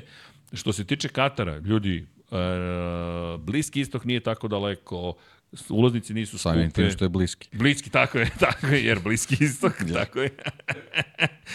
Ali, da, noćna trka. da, bez veze. bez veze. šta, šta je rekao Srki za Južnu Ameriku, samo da ponovimo publici. Da, da nema bliski Južne Amerike, tako je. e sad, Katar. Noćna trka. Ljudi, motocikli potpuno drugačije izgledaju. I samo zbog toga bih vam toplo preporučio, jel te, da ponovimo, odlazak u Katar na otvaranje sezone. M prvi put vidimo motocikle, M zaista drugačije izgledaju po noći. Reflektori im daju posebnu draž, trka je uvek uzbudljiva, prvi, prvi nastup za sve ove ljude koje smo nabrojali, Rins na Yamahi, Marini na Hondi, Marquez na Ducatiju, branilac titule sa novom motociklu, da li ćemo zaista dobiti još jednu pobedu Gresinija, hoće li se ispostaviti da je Fabio Di Antonio najveće otkrovenje koje smo imali ili ne. Mislim, toliko zanimljivih priča, tako da Katar zaista ako možete to je prva stvar, druga stvar koju bih rekao, do, to je za one koji žive u Severnoj Americi, obavezno idite u, u Kotu i Jerez, ljudi, malo je, malo je, ok, teže iz perspektive uh, veza, ali Sevilla u kombinaciji sa Jerezom ili koji god grad izaberete, Andaluzija generalno, je nešto što morate da, ne, ne, ne topla preporuka, morate kad tad da doživite. Ne, šetnja Seviljom je nešto stvarno bukvalno samo šetnje sa Viljom, ništa drugo ne mora da se desi. Ako se prošli samo tim da gradom, apsolutno dovoljno. A Jerez de la Frontera gradić pored koga se inače organizuje trka, to je staza je tu. Jerez se inače nalazi na obali, blizu obale Atlantika, Sevilja je severno, možete i do Malage, ali Malage je malo teže stići i između Malage i Sevilja ja bih vam preporučio Sevilju. Prvo, da posetite, Malaga je lepa, prvo, prvo. Mm, a, dobro, okej, okay, dobro, dobro, dobro. Ipak Malaga, okay. dobro. Ne, ne vredi, ne vredi godine. Uh, uvek tri kugle. Uvek tri kugle. Malaga, Lešnik, Malaga. Uvek. ok, Malaga, e, sad si mi upropastio, Malaga. A, zova šalje na sredozemno more, ne vredi. Jednostavno, ja, ali dobro. Da li će ti tu Sevilju ili Malagu, kako god. Sve jedno. Bolje, najbolje obe. Ob, najbolje obe, obe ali da. Jerez de la Frontera zaista blizu obale Atlantika, dakle, čisto da znate, niste na sredozemnom moru, već ste otešli zapadno od Gibraltara, možete do Gibraltara da se vratite ako hoćete, da, da vidite britansku koloniju. da, jedno što je daleko. Stvarno, pa jeste. Stvarno, ovaj, jeste. dugi put.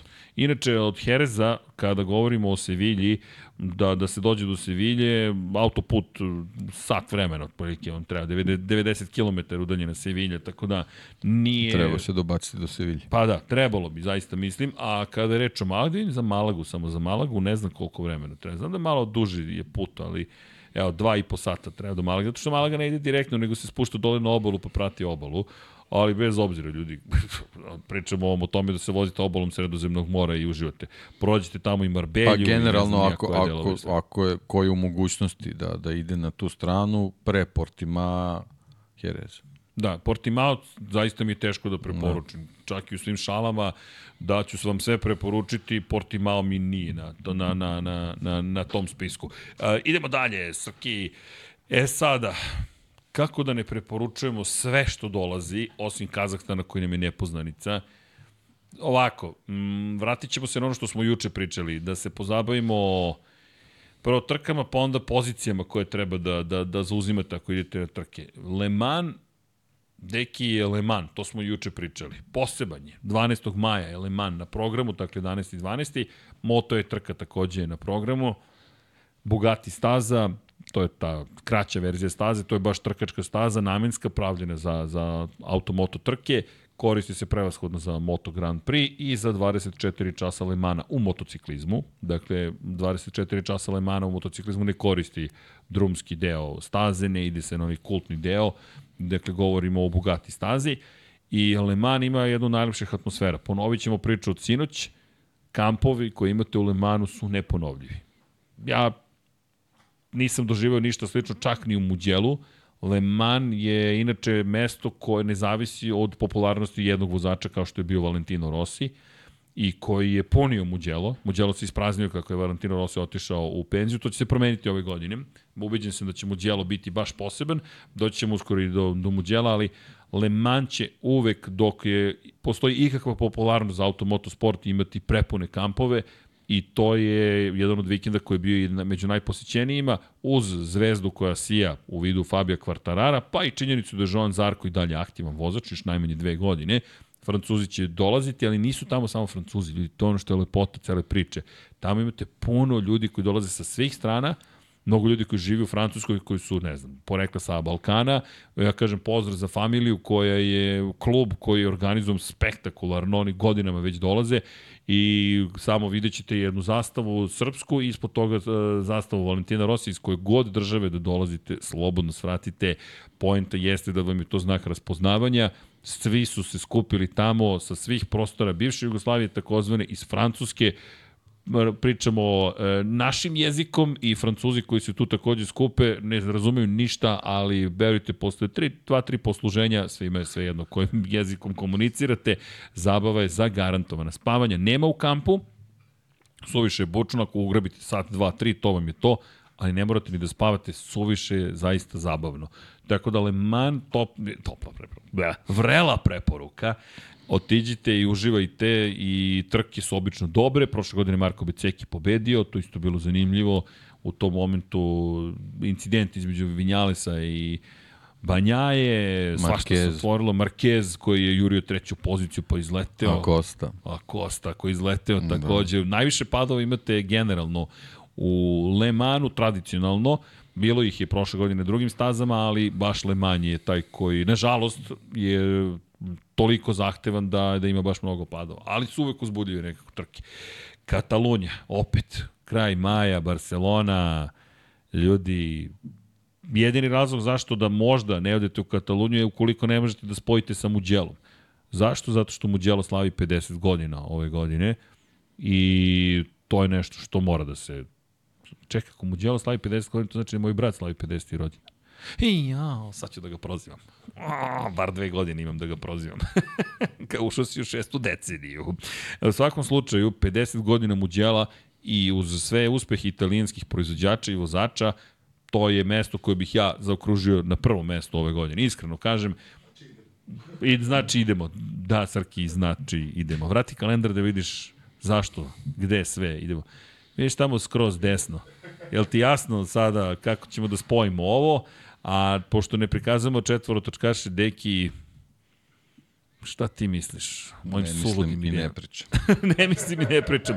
Čutaćemo, ali Italija, ljudi, ovoga puta daću prednost Muđelu samo na, na jubilej i činjenicu da mislim da će biti sjajna atmosfera. Katalunija inače dolazi obično posle Muđela, ove godine su to malo okrenuli, ali su vratili Kataluniju u letnji termin, prolećno letnji termin i ko voli Barcelonu, lep provod u jednom velikom pa, gradu. I generalno, ono, naravno, sve zavisi od, od finansijskih moći i ko šta može da priušte, ali generalno za one koji recimo razmišljaju o jednoj trci Formula 1 ili o jednoj Moto Grand Prix trci ove sezone, ja bi se ove godine za Formula 1 odlučio za Imolu, što se tiče Moto Grand Prix za Muđela.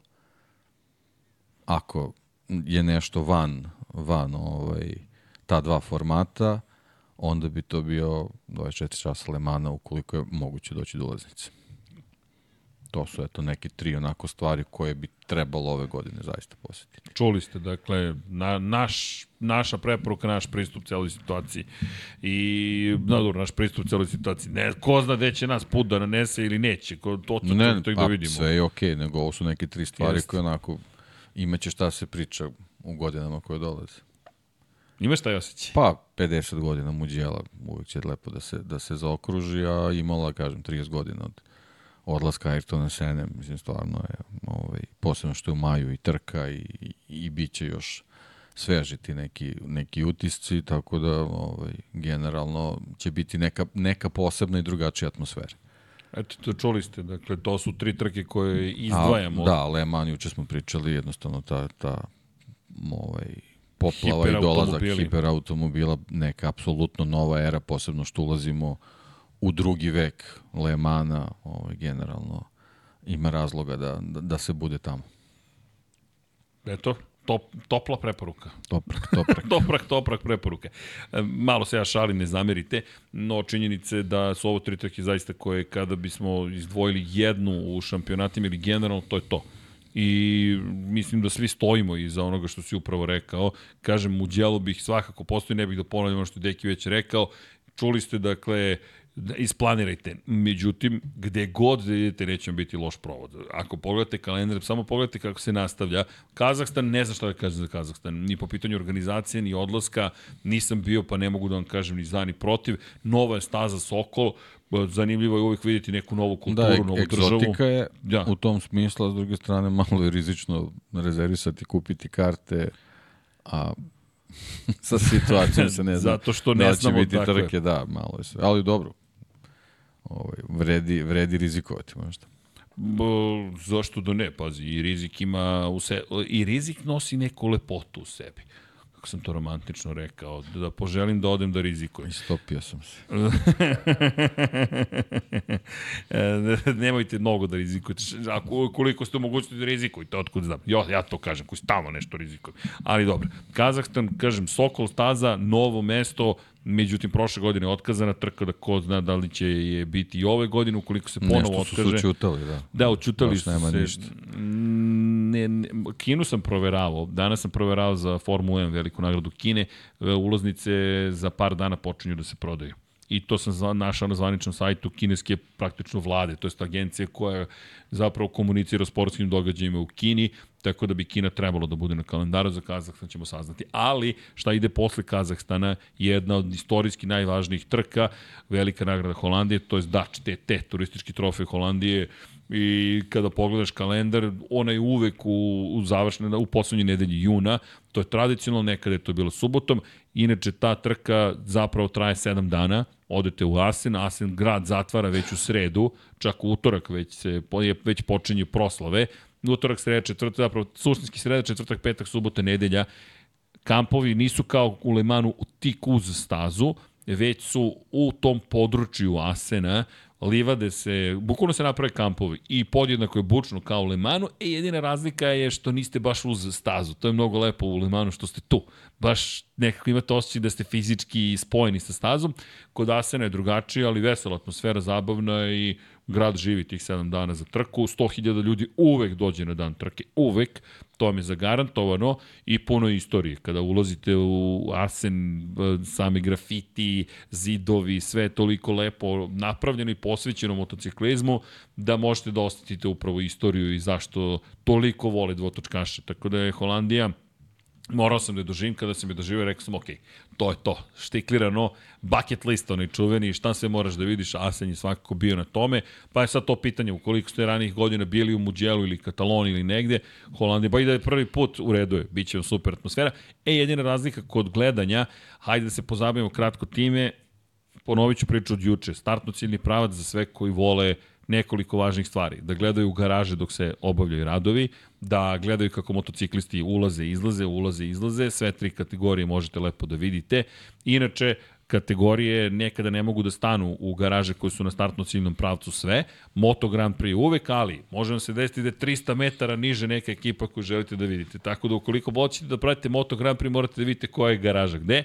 Od, od pre par godina iznad svake garaže su i likovi i imena i prezimena, nekada to nije bio slučaj, već ste morali da prepoznate gde su. Sad je to olakšano. Start trke kada grmi sve, naravno kraj trke, u motociklizmu to i tekako ima smisla, na bilo kojoj stazi Moto trojke, velika je verovatnoća da će se završavati sve u poslednjih par stotina metara, kada je reč o Moto Grand Prix, pa uz poslednju šikanu u Asenu vrlo moguće, s tim što, kažem, startno ciljni pravac je više ukoliko želite one klasike neke da doživite, maksimalne brzine i slično. Kada je reč o krivi, o, kada je reč o prvom, prvoj stvari, to je monitor. Gde je monitor na na, na mapi sa ulaznicama, to gledate jer monitor vam pokazuje šta se zaista događa bez monitora, obično ne možete da funkcionišete. Bar ja ne bih, ja ne bih znao zaista šta se dešava. Pretpostavljao bih, ali ne bih bio siguran da razumem uopšte situaciju u samoj trci. Live timinga nema klasičnog, imate pogled na toranje obično na startnom ciljnom pravcu gde je poredak i to je to. I potom sad, izbor samih krivina. Huh. Kada je reč o Muđelu, Kazanova Saveli, to smo rekli kada se spuštaš kod Kazanove Saveli, to bi bilo lepo. Ukoliko možete da gledate, tu je bio inače klub obožavalaca svoje vremenu Valentina Rosija, ili je bio pomeren, ne, u svakom slučaju, koji god sada da je tu klub ili nije klub, pokušajte Kazanovu Saveli jer vidjet ćete kako se spuštaju dole, skreću desno, levo i onda kompresija, pun gas ka Arabijati 1 i 2 uzbor do, Arabijata 1-2, to je sada tribina Marko Simoncelli, to je za Mugello, topla preporuka, Korentajo je mesto gde su Dukatijeve tribine, dakle tu ste okruženi Dukatijevcima, startocini pravac u Muđelu je zastrašujuć, pošto tu je 360 km na čas možete da doživite, ali za razliku od drugih startno ciljnih pravaca, ovo nije pravac, ovo je zmija. Jedna koja, koja vijuga zapravo ka San Donatu i to doživeti, vidjet ćete što kaže neki utreptaju samo oka, ovako, ne i brže od toga će proletiti pored vas, ali ima nešto u toj brzini, Tako da je to lepo, San Donato je super zato što su snažna kočenja, pa možete da vidite i bitke i koliko je teška bitka sa motociklom. Svaki gore uspon, ma gde god da sednete ljudi, bit će vam zabavno. Samo vam opisujem otprilike šta možete da doživite. Ono što Deki kaže, e, zone kočenja su dobre ukoliko želite da ih vidite kada su nešto sporiji. Kada su malo mm, bliži vama nekako, to je dobro kod zona kočenja i ono što je dobro, na primjer, u Austriji do koje ćemo doći, to su poslednje dve krivine, ja ih volim zato što iz devete izleću, jure se u desetu, tu se bodi bitka i onda vidite kako pun gas odlazi od vas i vidite tamo šta se dešava kod linije cilja. To su, na primjer, lepe stvari. 2A, 2B u Austriji, treća krivina gore u Austriji na vrhu brda, lepa, tu je General Admission, kod Bikova isto lepo sedeti, šesta, sedma krivina, tu su jedina skretanja u levo otprilike i ima ponekada napada, ako ste Alex Rins. Tako da, pa da, tako da, to su eto neke preporuke. Ne, pa vidi, vidi. A jeste, znaš kako krivine, sve donosi Pa ne, nešto ti donosi svaki, svaki od tih momenta. Ja kažem, startno ciljni pravac, ja volim kad sedim na tribunama jer volim da zavirim u garaže. Meni je nekako to zanimljivo mi je prosto. I kada je reč o krivinama, dva pristupa, ili gledate kako vam dolaze, ili gledate kako odlaze od vas. I sve ima svoju lepotu. Istražujte malo, mislim da je petkom slobodno da se šetate po različitim pozicijama, pa eto to isto iskoristite. Kada imate sedišta, kada ste general admission ili ti livada, onda istražujte. U Barceloni, brdo gore, treća, četvrta krivina je, što kaže deki, izolovano, nema mrdanja, peta krivina, prva krivina, sjajno je u prvoj krivini, kad se stušte nizbrdo, pa koče, pa se bore, pa se tu pretiču, to je lepo, 11. 12. lepe pogled na to kako dolaze ka vama pa skreću, to, to, to su mesta koje bih ja gledao. Dobra i deveta krivina kada ste gore na brdu, jer možete svašta da vidite, ali tu ste udaljeni. To je kao u Brnu nekada kod krivina 7 i 8. Jel tako beše? Peta je bila šesta, sedma, osma to su, to je baš bilo lepo za gledanje, iako baš niste uz motocikl, ali lepo tutnji ka vama sve. I, a Holandija, Holandija je nezgodna ukoliko želite da vidite celu stazu. Ravna je, kao i, i, kao i San Marino, to je Marko Simoncelli staza u Mizanu, gde god su ravne staze, to je Silverstone, na primjer, vidite samo taj deo staze na kojem se vi nalazite. U Muđelu brdovitost vam daje opcije, Valencija je spektakularno napravljena da vidite svugde I, na primjer, Barceloni takođe brda vam daju lepe neke perspektive. Isto važi za Austriju, gde imate i najveću razliku na nadmorskoj visini između najniže i najviše tačke. Da, tu bih stao. Tu bih stao ako se slažete sa mnom, dragi kolega. E, tako da, Asen, inače, preporuka za Asen, imam jednu ramšek tamo gde se 15. krivina gde skreću i, ili da pratite kako odlazi ka šikani ili da sedete kod završne šikane i uživajte. Inače, to je tribina koja će biti dodatno produžena ka 14. krivini, tako da će imati oko tribinu, jednu ogromnu, koja prati sve te završne delove staze. Eto. Srki, ajmo dalje.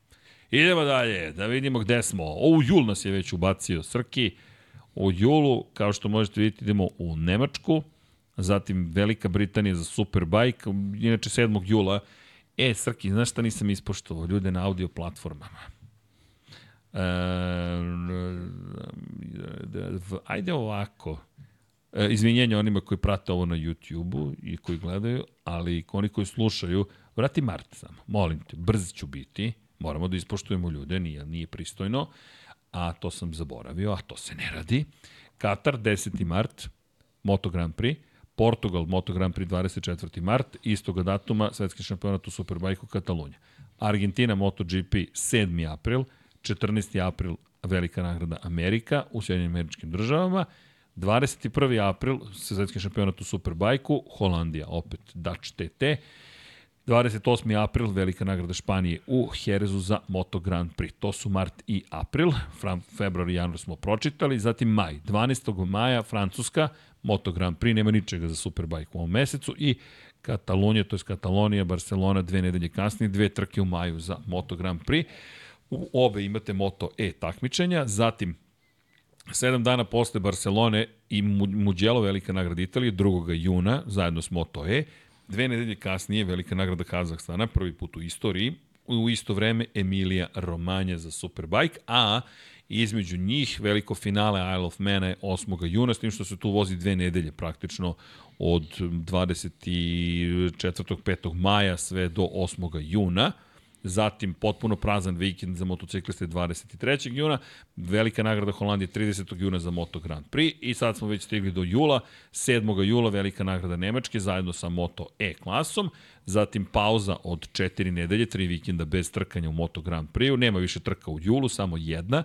Superbike s druge strane posećuje Veliku Britaniju i Češku republiku 14. to je 21. jula, jer imali su 7 nedelja pauze, pa što onda ne bi dve trke u rasponu od 7 dana. Potpuno logičan kalendar. Zatim avgust, posle pauze, idemo u Silverstone što se tiče Moto Grand Prix-a, 4. avgusta. 11. avgusta smo u Portugalu za Superbike. Zatim smo u Austriji 18. avgusta zajedno sa Moto E klasom u MotoGP-u i Mađarsku posećuje Superbike 25. avgusta.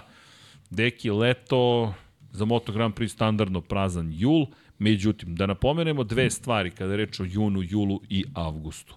Svetsko prvenstvo u futbolu, e, Evropsko, izvinjam se, prvenstvo u futbolu, koje je na programu od polovine juna do polovine jula, i zatim olimpijske igre koje su na programu od kraja jula do prve, u prve, do 11. avgusta, tako. 16. Ju, 14. juna počinje evropsko prvenstvo, završava se Jula. jula, samo da ne znam tačno kog datuma. Sad ću, Mislim da isto, 14. Trebalo bi, ali ajde da vidim.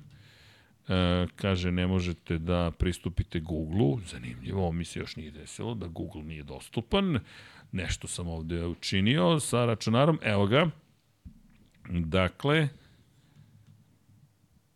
gde i kada se igra prvenstvo. Dakle, od 14. do 14. jula, upravo si deki, tačno 32 dana suštinski se organizuje i ne 31 zapravo izvinjam se dakle 14. jula a kada je reč o olimpijskim igrama u Parizu su inače ove godine inače domaćini za evropsko prvenstvo domaćin je Nemačka, je li tako?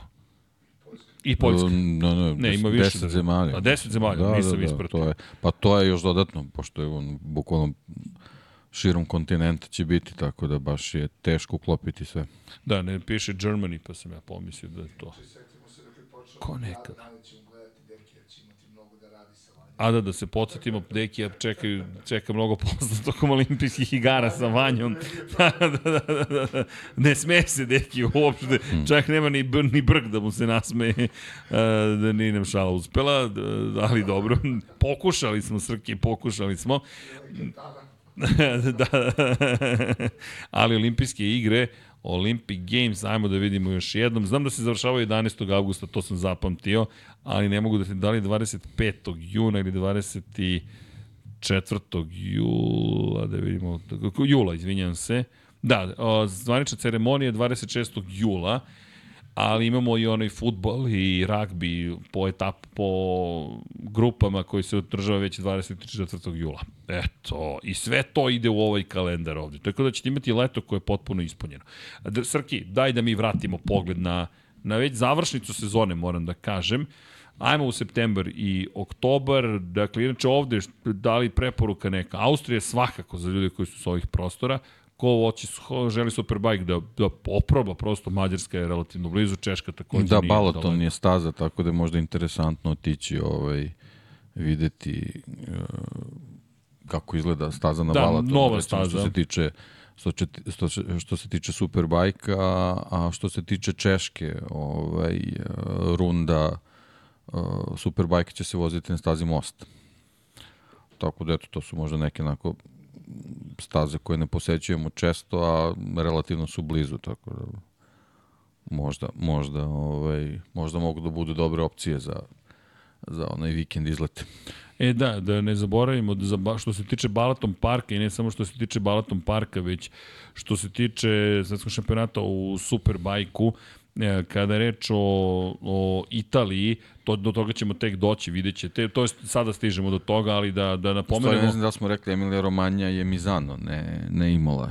Ne znam da, šta smo pričali, da nismo tu neki lapsus napravili. Mm, Da, Mizano je, tu, tu sam Emilio ja napravio Romagna je. Mizano, Ja sam da, da, Mizano, da, da, Mizano da. zato što ove godine imamo novu stazu koja, kada je reč o šampionatu sveta Da, u to Superbajku. sam mislio da doći ćemo, ali- mislim da je interesantno, ovaj, Jeste. recimo, eto, ako neko odlučuje ovaj, da ode na neki superbike, možda ta Cremona ne bi, Pa ja ne bih bi, ne bi Cremonu bila loša, posetio, zato da. što, On je, Srki žive u Cremoni. eto, Srki, Srki, imamo gde da spavamo.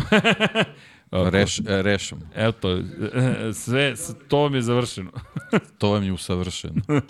Da, inače, pogrešio sam ja, nije Imola, nego je Mizano. Ja Možda sam sam pogrešio. ja rekao, na- pošto smo pričali generalno imali, onda Moguće, možda da, smo ali pobrkali, lapsus. da, Ako smo ali dali preporuku, Mizano. pa sad neko ode u Imolu tog Nismo, datuma. nismo, nismo. Imala je, imala Ne, je da preporuka prava za, za Formulu staza. 1. Ali da, da, ali smo Da. spominjali da je dobra za Superbike. Da, Nije, da. nije. 14, 16. juna Emilija Romanja na programu Mizano.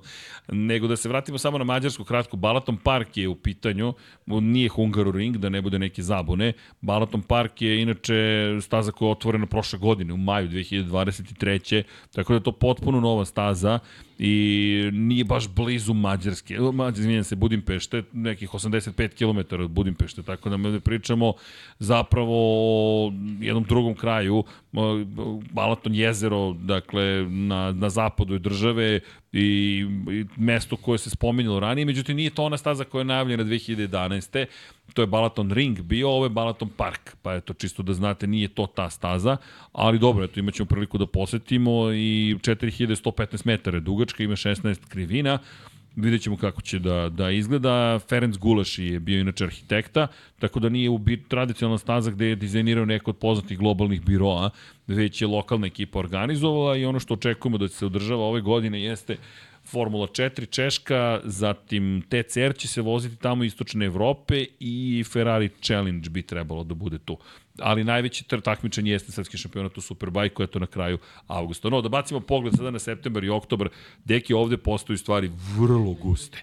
Dakle, kada pogledamo i naravno da se dve od, od, od zapravo tri od četiri runde u, u septembru poklapaju između Superbike i Moto Grand Prix-a jer op, opet reći ću ne razumem, ali dobro, ne moram ja ništa ni da razumem. Point je da je Dorna napravila neki svoj plan i to tako izgleda. Dakle, Aragon 1. septembar, San Marino zajedno s Moto E klasom 8. septembra imamo dakle žestok uvod u veliku završnicu, slično ovoj godini, biće baš žestoko, s jedne strane, moram priznati, mi se ne dopada što će šampionat ponovo se svesti zapravo za ovu završnu trećinu šampionata, jer je, ovo će biti test izdržljivosti. To je moje mišljenje. Fokusirat ću se sada na Moto Grand Prix. Dakle, posle San Marina, 22. septembra Indija, 29. septembra Indonezija, 6. oktobra Japan. Deki, to je opet test za mehaničare, ljude, za vozače, za menadžere, za inženjere, za mašine, za logistiku. Pogledaj, pet trka u šest vikenda.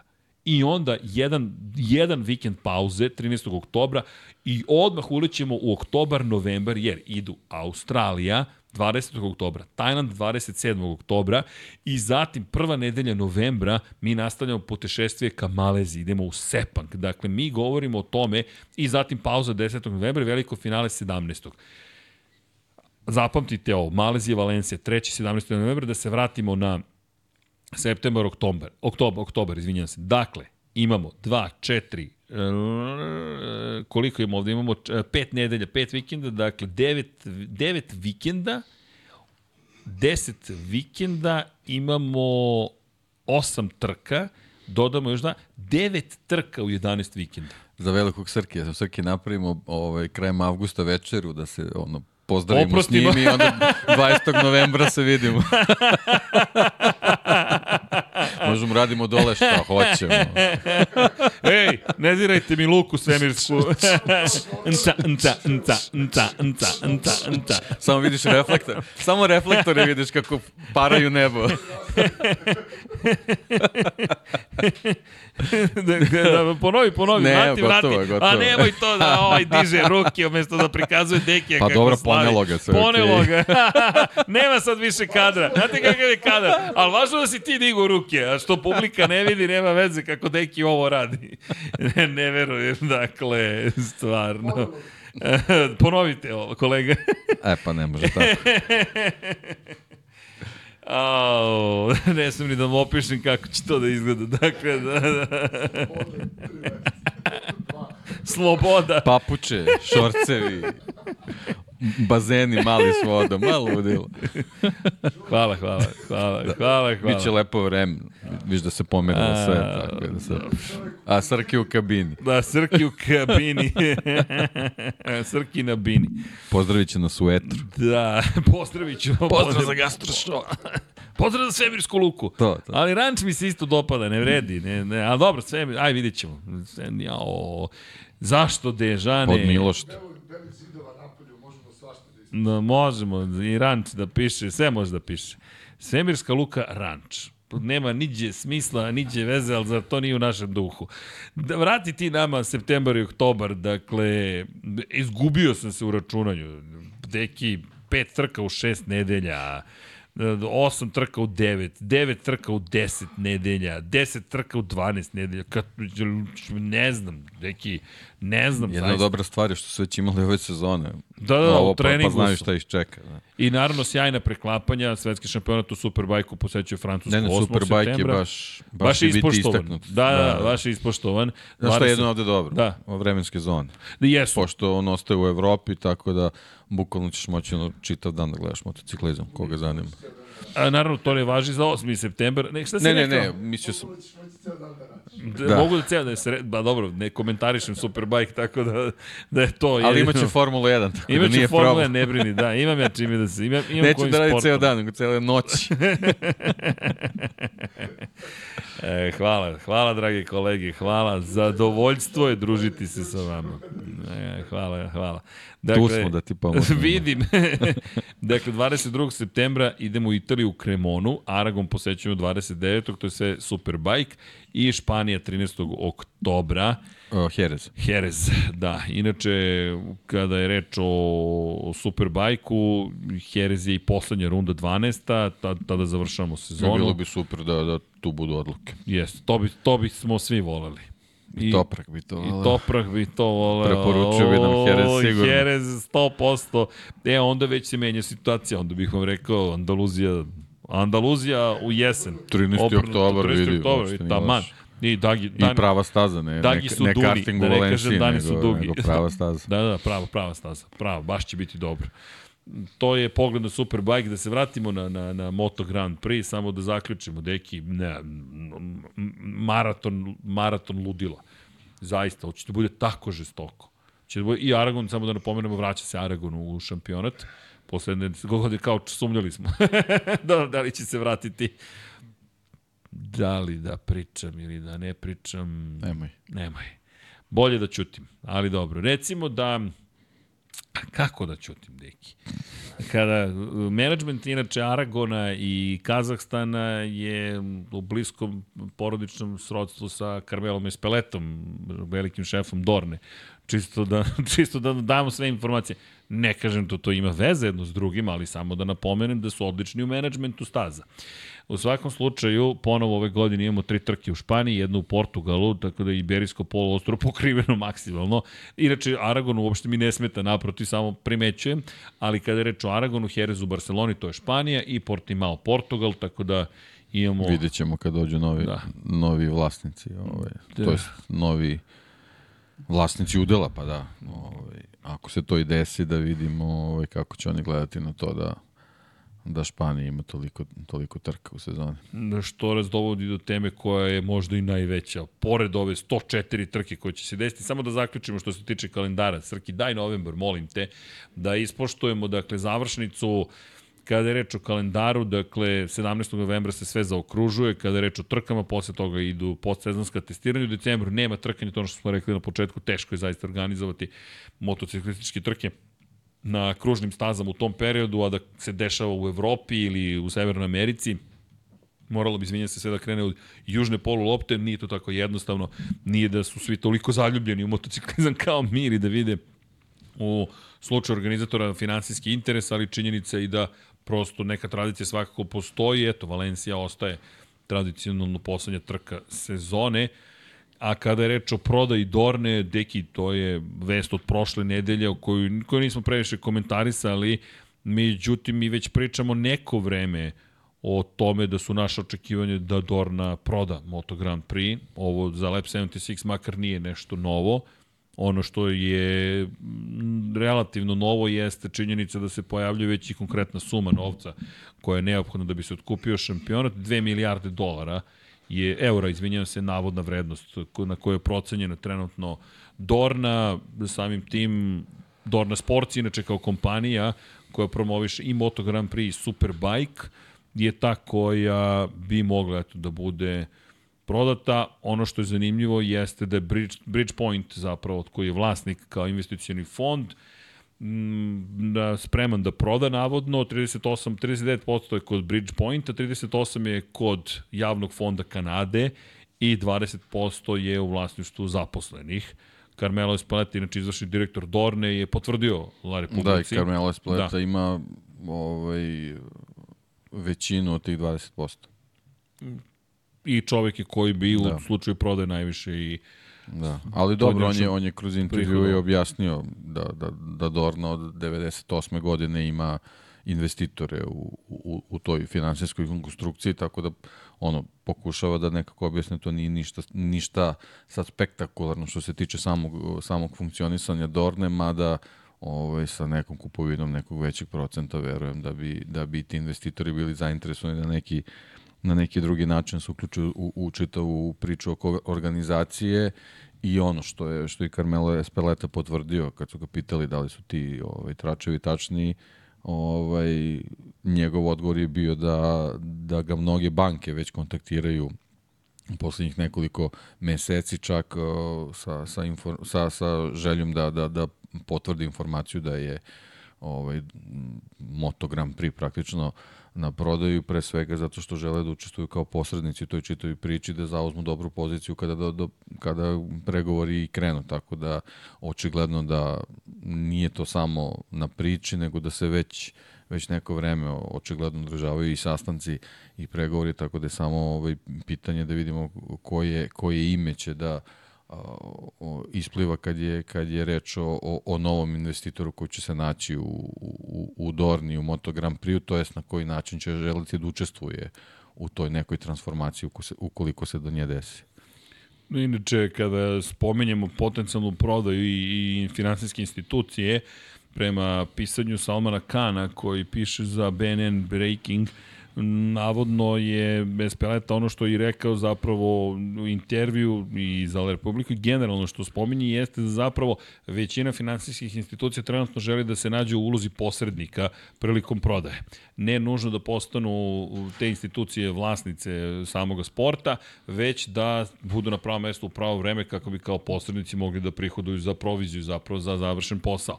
Tako da se tu postoje pitanje ko bi bio vlasnik.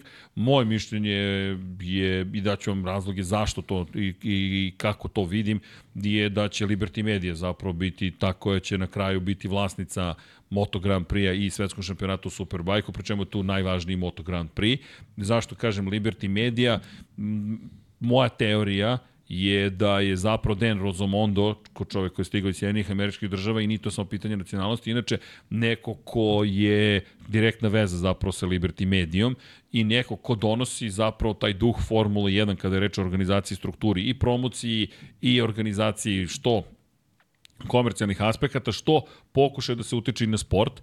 Kada pogledamo prošle godine šta je Dorna učinila, povuklo je jedan drastičan, radikalan potez uvođenjem sprint trka, gde nije bilo mnogo diskusije, to je samo uvedeno na velikoj nagradi Austrije 2022. i rečeno je sve trke će imati sprint, kraj kraj, nema diskusije, vozači su se pobunili do one mere gde, ne kritikujem ih, konstatujem, gde se ticalo njihovog angažmana, to je kompenzacije za angažman. Kada su dobili veće honorare za veći broj trka, što je logično, više radiš, više trebalo bi da zaradiš, je došli smo do toga da su uh, dobili zadovoljstvo kada je reč o finansijskim aspektima, da i tu i tamo se čuje neko negodovanje po pitanju količine trka, ali suštinski nema nikakvog tu sad bojkota, štrajka, bilo čega sličnog. Ima više pri, prosto konstatacije da je teško. S druge strane, kada pričamo o vezama sa Liberty Medium, priča koja se pojavila prošle godine, da bismo mogli da vidimo trku Formula 1 i Moto Grand Prix-a istog dana na istoj stazi, i gde bi Moto Grand Prix bio uvodna trka za Formulu 1 je meni, deki ne znam da li se slažeš, direktan znak da Liberty Media i Dorna razmišljaju upravo o tom, toj vrsti spajanja.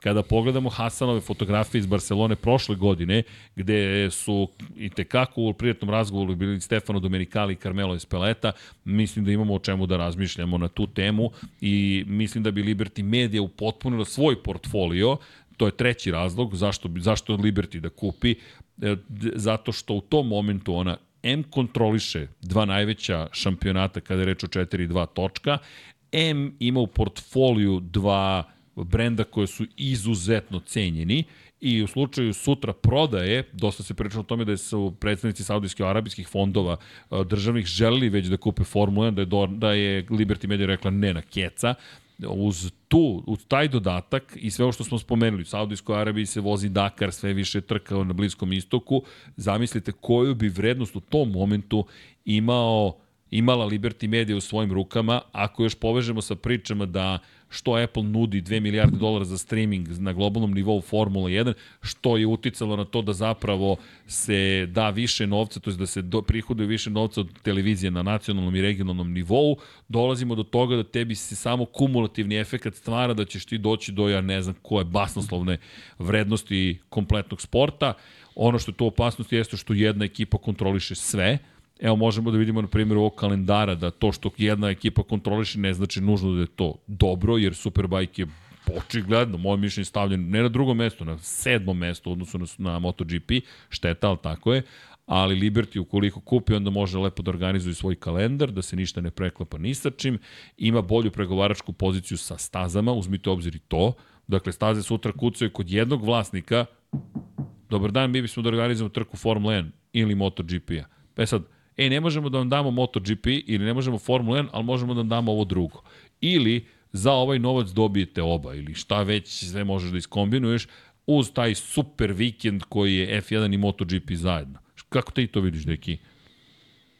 Pa ne znam, eto, ja sam, pričali smo kad smo, kad smo prvi put ovaj, razgovarali o tome da li postoji neka naznaka, ja te, kako si ih nazvao, super vikenda, nije loše ime, ovaj, ne znam, ne, ne vidim kao nešto što se organizuje radi, radi sportskog događaja, nego eto, jednostavno radi, radi tog spektakla i, i privla, privlačenja publike i to ne mora da znači da je uvek dobar recept, ali ono, to su jednostavno stvari. Ako, ako se desi od toga da Liberty Media postane vlasnik toga kao i kod sprint trka, mislim apsolutno nikog neće pitati, nego će jednostavno to, to uraditi i, i to će tako biti. E sad, iz nekih praktičnih poslovnih razloga, uh, da to možda ostane na neki način kako se sad dešava, možda, možda i nije loše, pošto Liberty Media sad već prikupila neka iskustva kako, kako se neke stvari organizuju. Sad, da li ćemo mi koji, koji volimo neke tradicionalne, tradicionalne stvari u tim sportovima ovaj, moći to da prihvatimo i Moto Grand Prix-u, kao što neke stvari nismo prihvatili u Formuli 1, to sad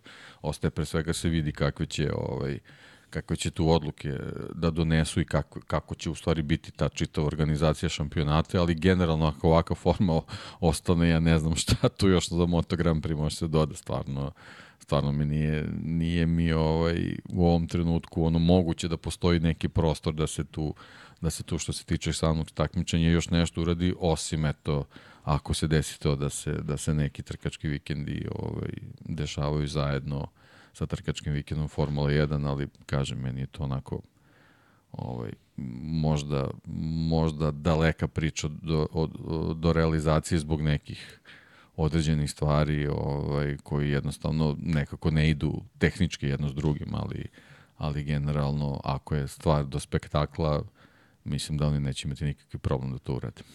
I vratit ću se na, na, na moju analizu samo iz jedne perspektive. Ni jednog momenta nisam spomenuo sport. Samo sam pričao o parama. I samo sam pričao o parama i o robnim markama i o pregovaračkim pozicijama. Ni jednog momenta, deki, moram te priznati, nisi se dotakao toga. Dva razloga i jedan zato što mislim da je upravo to glavni motiv i drugi zato što znam da ćeš izneti sportski aspekt i nema potrebe da pričam o tome. Uh, da li je to dobro ili žalostno, znate kako, to je kao i uvijek u životu, kako ko iskoristi pa, poziciju. Vidi, šta god se dešavalo u Moto Grand Prix u 23. godini, sve se dešavalo zbog sportskog aspekta. Da, iz perspektive i popularnosti, Absolutno uzbuđenja, sve. fokusa na sport, ništa voleo nije bilo... Voleo vozača, ne voleo ovu ekipu, onu ekipu, šta god je bilo, sportski aspekt je bilo. Što, što je jedan od mojih delova priče u kontekstu toga kako koristiš nešto. Ti možeš da upotrebiš, možeš da zloupotrebiš. Ti imaš fantastičan jedan šampionat u vidu Moto Grand Prix-a, fantastična i Formula 1, na svoj način. Da, drugačije je bila, ali kao što si lepo rekao i kada smo imali novogodišnji specijal, ne možemo ovakvu sezonu koja je iza nas da, da pocenimo. Da, ona nije možda donala uzbuđenje u, pita, u kontekstu toga ko će pobediti, ali prisustvovati ovakvoj vrsti istorije, takvom jednom master klasu na, na, na sezonskom nivou jedne ekipe, jednog vozača je redko. Da, ne prije svima, ni za svačiji ukus. Mnogo je lakše nekako kada se emocije uzavru, kada je sve uzbudljivo non stop, ali opet za sladokuste i ovo je bila jedna sezona za pamćenje, tako da Formula 1 takođe donosi mnogo toga. Kada je reč o Moto Grand Prix, Dorna uprko sebi nije sprečila da Moto Grand Prix bude popularan, jer je napravila loš kalendar, 8 trka u prvoj polovini sezone, zatim 12 trka u nastavku sezone spakovanih na zbrda s dola, predugačka pauza od, pre, od pet nedelja zato što je velika nagrada Kazahstana otkazana, nasilno uvođenje sprint trka, uvođenje pravila o pritisku gumama od kojeg se odustalo pa se ipak primenilo, do toga da ti imaš situaciju koja deluje kao jedna papazijanija, međutim nikog nije na kraju bilo briga. Francesco Banjaja protiv Jorgea Martina za titulu na poslednjem trkačkom da. vikendu sezone. Ali dobro, eto, to je, to je, to je koliko, god, koliko god smo iz raznih nekih aspekata bili protiv sprinterka, taj sportski takmičarski aspekt je to to je doneo i, i neko je, borbu. i neko izračunao ovaj pa sam ja napravio jedan print screen, pošto nema šanse da popamtim brojeve, pa mogu, mogu da pročitam, eto, čisto, Udri, ako te zanima. Zanim, znači, ka, kako, bi izgledala, zanima? kako bi izgledala tabela da nije bilo sprinterka? Prvi, Francesco Banjaja, 327 poena. Drugi, Jorge Martin, 260. Nema diskusije. Nema, nema tu šta nema da se priča. Inače, generalno, tabela je prilično slična kao, kao, tabela na, na, na kraju sezone kao što je i zaista bila, tako da ne znam, Marko Beceki je treći, Jean Zarko četvrti, Brad Binder peti, Aleš Espargaro šesti, Fabio Quartararo sedmi, Mauro Vinjales osmi, Luka Marini deveti, Fabio Diđan Antonio deseti. Tu je, tu je malo, malo razlike zbog dobih rezultata na, na Grand Prix trkama. Ali generalno nisu neke krupne promene, osim što bi Peko Banjaja na pola sezone već osvojio titulu kada bi se gledale samo Grand Prix trke. Tako da eto taj taj sprint je ovaj da kažemo o, opravdao očekivanja kad je reč o, o neizvesnosti trka, ovaj e sad svi ti neki neki drugi aspekti su i dalje sporni i, i, i ono, podložni su diskusiji i raspravi, ali da, da, je, da je donela zanimljivost takmičenja, taj, ta, ta, taj, taj format u stvari sa sprint trkama apsolutno jeste. Da. S obzirom da imaju, s obzirom da imaju ovakav raspored pred kraj. Pitanje za nas, s obzirom da imaju ovakav raspored trka. to napor da bude? Kakav će da bude napor? Tri nedelje voze jedno za drugo sa sprintom, sa trkom, sa... Vidi, videli smo to ove godine. Pa vidi, nikad, nikad više compartment sindrom operacija, da. a, nikad više povreda i ni jedna trka sa kompletnim gridom. To smo već imali u 23. Tako da ne verujem šta će se prom da će nešto da se promeni u 24. godini po tom pitanju. Ja ne vidim, vidi, vidim, ja čak mislim, Dek je objasnio, ovo će im biti lakša sezona. Oni sad imaju iskustvo. Uh, hajde da se svi podsjetim na svom primjeru da sagledamo. Koliko ti znači iskustvo? Kad radiš nešto prvi put i kad radiš nešto drugi, treći, osmi, deseti put. Potpuno je drugačije. Ovo sada već postaje za njih norma. Dakle, mi sada znamo, ja evo mogu da vam najavim kalendar za 2025 imaš dva vikenda po tri, dva puta po tri vikenda za redom u Aziji i Okeaniji zagarantovana. Zagarantovana, jer gledaju da smanji troškove putovanja, da ne bi išli napred-nazad, lepo, da se ne lažemo, ne radi to zbog ekologije, ali i posledica i da je ekološki bolje, svakako. Zatim, ej vidi, ja nemam problem s time, mi živimo u kapitalizmu hteli da to priznamo ili ne. Kapitalizam podrazumeva da se baviš kapitalom. Ako kapital, bavljanje kapitalom može da ima dobre posledice, nus pojave u vidu manje potrošnje goriva, veće zaštite životne sredine, to se zove taj takozvani win-win. Obično to nije slučaj, ovoga puta ok. Dakle, iz perspektive potrošnje goriva, zaštite životne sredine, koliko je uopšte štitimo, je zaštite. Znaš, zaštite manje je uništavamo. To nije isto, ali dobro, da sad ne otvorim i tu temu, Poenta je da ti sada imaš ozbiljno iskustvo i 2025. već će timovi uveliko organizovani timovi da planiraju da im je to kalendar. Drugo, vozači, njihovi nutricionisti, savjetnici, psihoterapeuti, fizioterapeuti će biti spremni upravo za ovakav raspored. Jedna od stvari koje mislim da je Martina prošle godine, to je on i rekao, koštala titule, jeste što zapravo je imao pauzu između dva ta trostruka vikenda. I on je rekao, Više bih volio sledeće nedelje da se nastavi trkanje. On nije imao sposobnost psihičku, to je moj zaključak, odgovorno stojim iza njega, da se opusti i da se vrati u zonu neophodno da se bori. Što bi vi mladi rekli pregoreo? Pregoreo. Jer imaš taj moment kada si pod adrenalinom i onda se opustiš, ne možeš da se vratiš nazad u tu zonu to se dešava ljudima. Banjaja, s druge strane, upravo tu pokazao svoj šampionski kalibar, da je on otišao na tu pauzu i nije napravio takav odmor kakav je napravio Martin. Nema odmora u tom trenutku. To je ono čečoveno pitanje iz NFL-a. Da li da odmaraš startne igrače kada imaš priliku, kada se već obezbedi ulazak u playoff ili ne. Isto je kao i u motociklizmu. Rizik od povrede je visok, ako se povrede nema ničega, a s druge strane ako ti ispadnu iz forme, opet nisi ništa postigao. Tako da, kažem ti, iskustvo je ozbiljno sada već i mislim da će oni to lakše podneti ove godine. Ne vidim tu više problem za njih koliko opet pratimo priču o mehaničarima i inženjerima, o njima se ne razmišlja, jer oni nemaju radno vreme koje imaju vozači. Vozač tačno zna svoj dan. Mehaničar ga ne zna. Zašto? Vozač izleti, eto ti ga produžetak dana. Izleti još jednom. Izleti još jednom.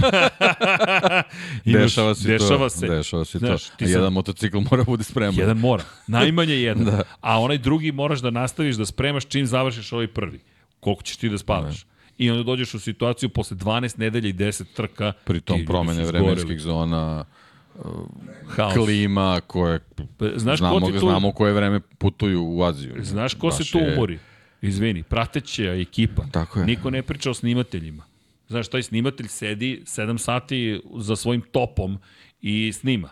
I on mora da bude isto skoncentrisan, podjednako dobro skoncentrisan za prvi trening, drugi, treći, osmi, peti. I sve za, kategorije. I sve kategorije. Kup Novajlija za MotoGP, za sprint u MotoGP-u, režija je ista, produkcija je ista, ljudi koji popravljaju i servisiraju celu tu ekipu je ista, to su ljudi koji rade uh, u, jav, u odnosima sa javnošću, koordinatori, znaš, hoteli, ti, na, te rezervišeš hotel da. godinu napred, ali ti garantuje neko da će to sve biti okej. Okay.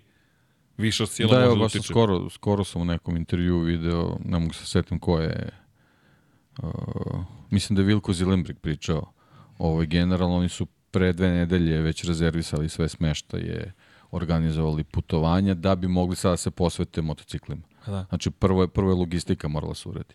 Mor, vidim, da Čim je izašao kalendar, verujem da su već počeli to da rade posebno zbog, zbog ovako zgus, zgusnutog rasporeda.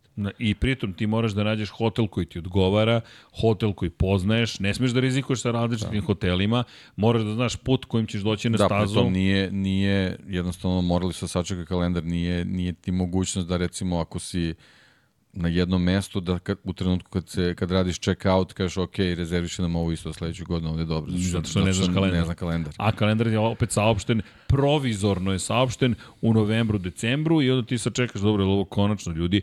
Ovo je najkonačnije što možemo ti kažemo u ovom trenutku. Pri? Dobro, jedno zbog toga je dobro što ovako dugo traje ovaj, šampiona, zato što, zato što dok su u Aziji mogu odmah, ako je, ako je neki dobar smešta da kažu ok, čekiramo sledeću godinu.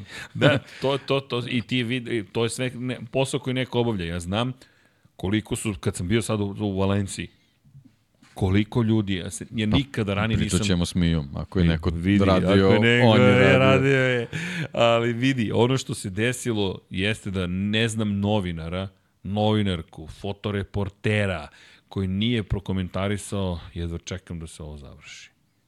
Bukvalno, ne, jedva čekam sledeću sezonu, ne. Izgoreli su ljudi. Izgoreli su. Prosto ti gledaš ljude koji ne mogu više da stoje na nogama. pritom je tenzija sve vreme zbog, Zbog zbog, raspleta. Pa, da, Tako je. raspleta Iz raspleta pride. Veruj mi, haos. Kompletan haos. Kompletan haos. Jednostavno, ja, ne, ja se nećem da se vidu ljudi koji su toliko zapravo u celoj priči bili umorni od nečega što toliko vole. I sad, da li je kukanje? Ne, verujte mi, nije. A, to, je, to je taj mač sa dve oštrice o čemu pričam. Zamisli sad još taj predlog Simonov da, da, sad, da oni završe sezon i da nastave, I da da nastave. prebace samo na drugi. Jer to su isti ljudi koji prate te šampionate, nemaju, Jesu. nemaju sve, sve medijske kuće 37 specializovanih novinara za, za motociklizam. Rade jedan, eventualno dva čoveka. Nema, nema. I neće ih biti više, jer neće biti više para, zato što ti imaš više šampionata. Ovi sajtovi popularni koje mi pratimo ovaj, vezano za, za, za motociklizam i za, za automobilizam koji stvarno imaju dobre i kvalitetne informacije, pa ne radi tu 50 ljudi. Radi dvoje, troje. Pa ne, neke desetor. Neki ba nije. Evo ti sad opet imaš- sa, sa, uh, uradi kumulativno auto moto trke ove, ove što si na, navodio ova dva dana, pa sad pogledaj, nek se samo podele, ako je, ako je desetoro ljudi, nek, nek se podele onako puko matematički pa da vidiš koliko je to trka koje treba da se isprate i da isprati sve vozače i sve ekipe i sva dešavanja i sva testiranja i sve kvalifikacije i sve trke. Koliko trebaš da radiš. Nekih je desetor, a znamo da nije. Da razmišljam sad upravo koliko srećem ljudi. Najveće, najveće ekipe koje sam ja viđao, četiri osobe imaju u Moto Grand Prix. Španci uglavnom i Italijani. Pa dobro, to su ovi kvalitetni sajtovi koji mogu Jeste. da, da imaju dobre budžete, da mogu da, da plate te ljude, da plate njihove troškove putovanja. E, znaš šta je pozitivno? Evo jedna, jedna bitna stvar za sve one koji, koji su u ovom medijskom poslu. Prošle godine je Dorna odustalo od toga da naplaćuje web sajtovima za, za akreditacije. To je, to je do ove godine, do prošle godine bio do polovine godine, do dolaska Dena Rozomonda. Zato, kažem, gledam ka Liberty Media, jer Liberty Media ne gleda kao izvor prihoda medije.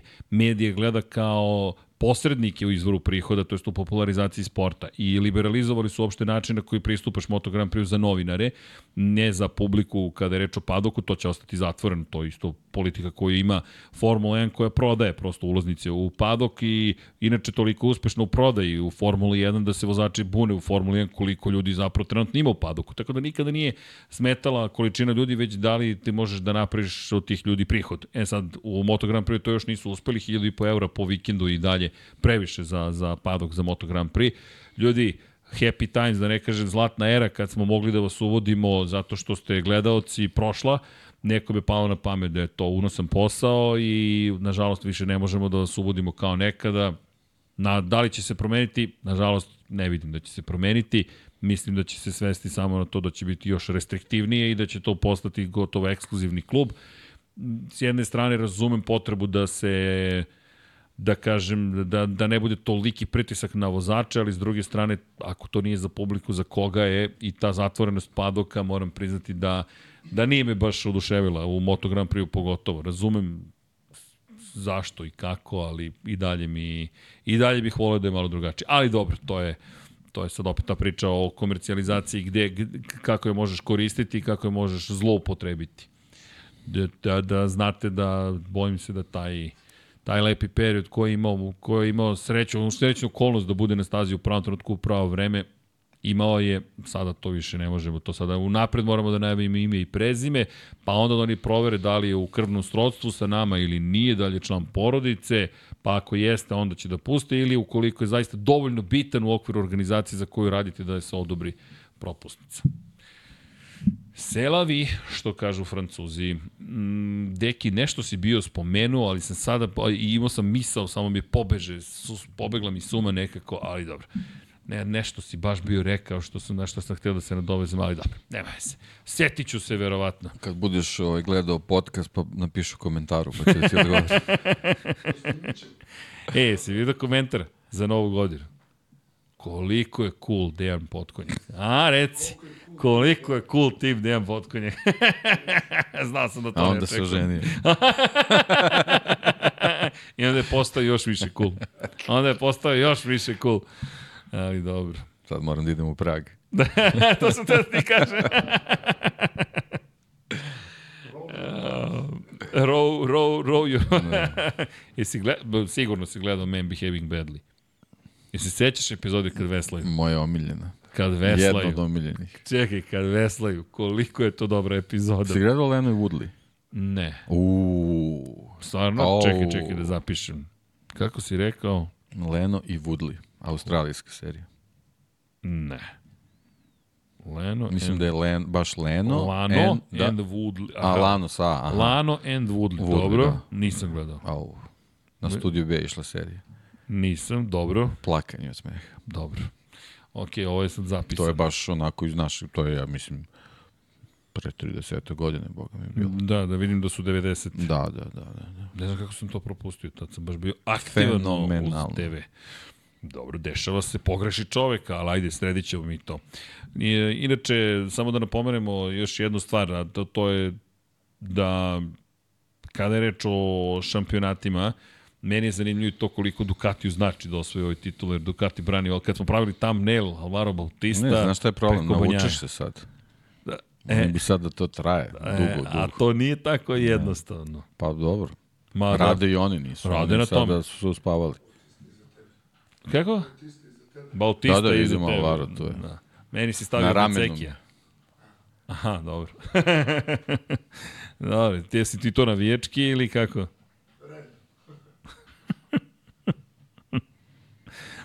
dobro.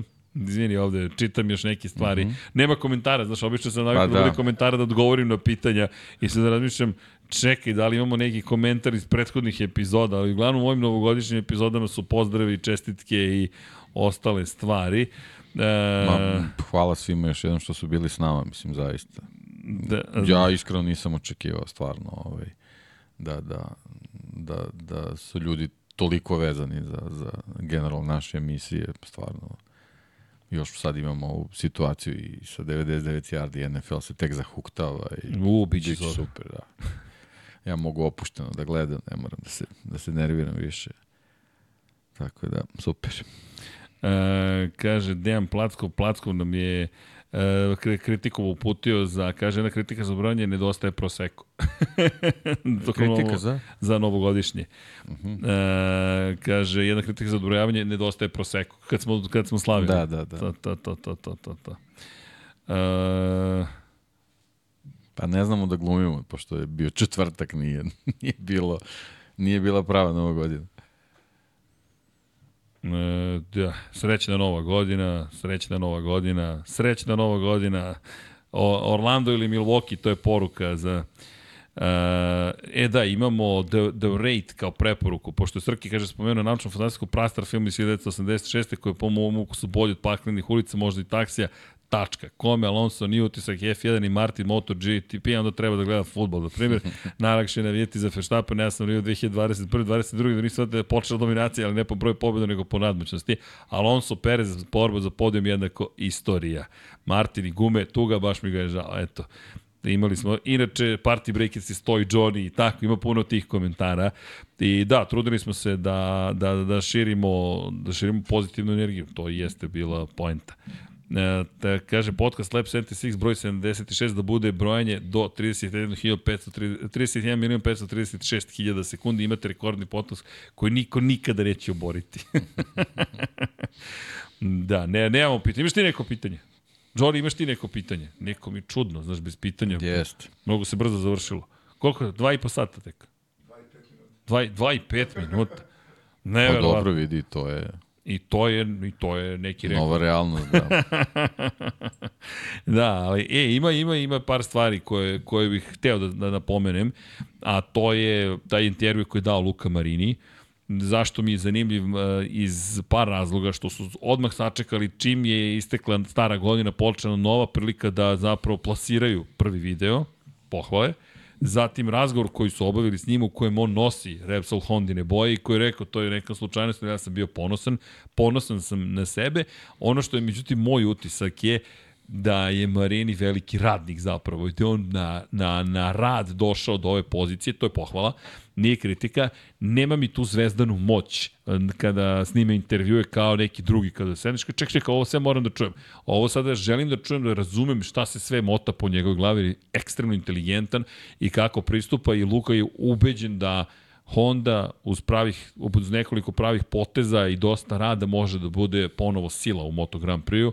Nešto što, ne znam, delimo mišljenje o tome. Ja Ma mislim ne, da to... delim, delimo mišljenje i ja, kako bih rekao, drugačiju, drugačiju komunikaciju od njega nisam ni očekivao posebno posle tog saznanja da je on bio taj koji je skupio hrabrost i prelomio i sa svojim timom zajedno prvi prišao Hondi i generalno ušao u, u, u te pregovore sa, sa Repsol Hondom.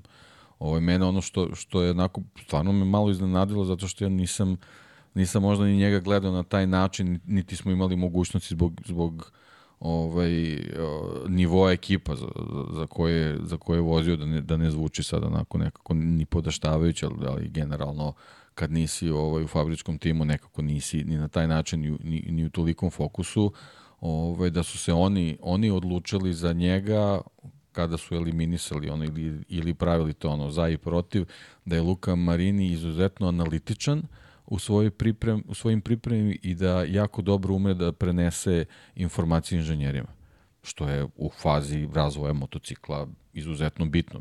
Naravno, ovaj, jako je važno i kad već imaš ovaj, e, formiranu mašinu da, da, da nekako sa tim nekim finim setupom možeš da, da rukovodiš, tako da ovaj, očigledno da, da će on zbog te, eto, kao što si rekao, zbog, zbog o, te činjenice da je, da je izuzetno ovaj, vredan i, i radan, uz te neke dodatne, dodatne vrednosti možda stvarno moći da bude veliki plus za Repsol Honda, ali to nikako ne možemo da, zna, da znamo dok, dok ne krenu ove zimska, zimska testiranja, a, a opet sa druge strane sve te izjave kako zvučale da, da, da, da, da, da zvučale ne mogu da budu drugačije, jedino što onako nekako to je ono što smo već slušali kad je Paul Espargaro dolazio u, u Repsol Hondu i i, i Joan Mir na kraju krajeva, jednostavno Repsol Honda je ova institucija što se tiče Moto Grand Prix-a i, i dalje, bez obzira koliko su teške bile ove prethodne sezone, i dalje je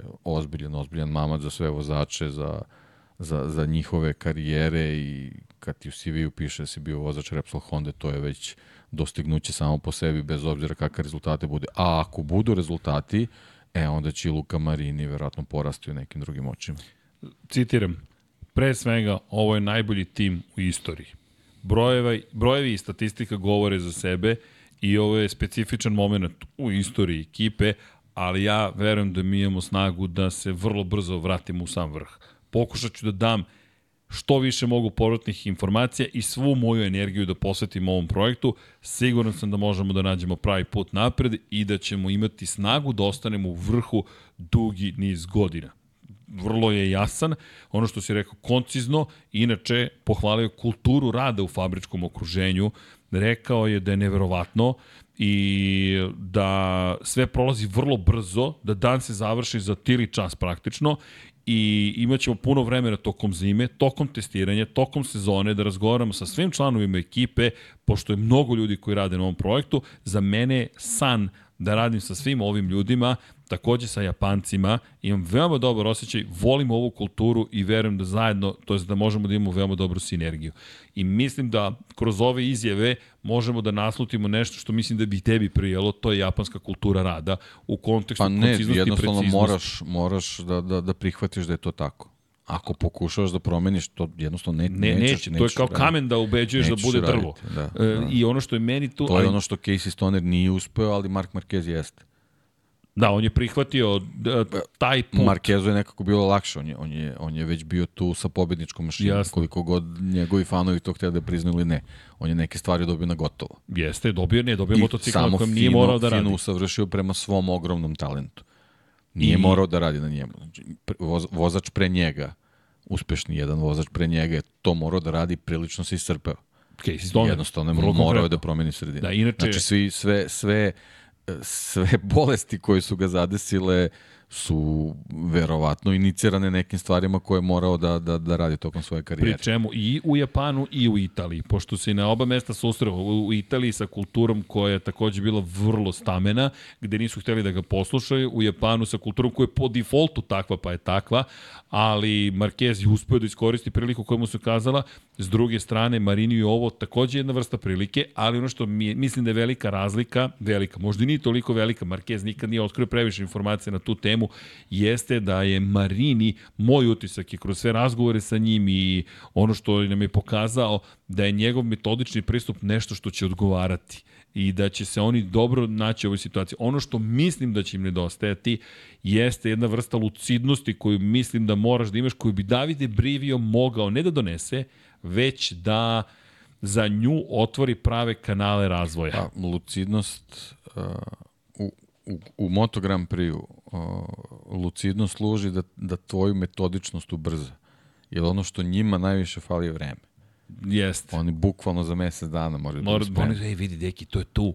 To je tu. Mi smo već praktično tu. O, oni ne smiju da pogreše formulu. Da, da, a ima još jedan moment. Neko mora da bude, ja mislim, mislim da je gubitak... Mogu. Honda može da pogreše formulu. Luka Marini ne smije.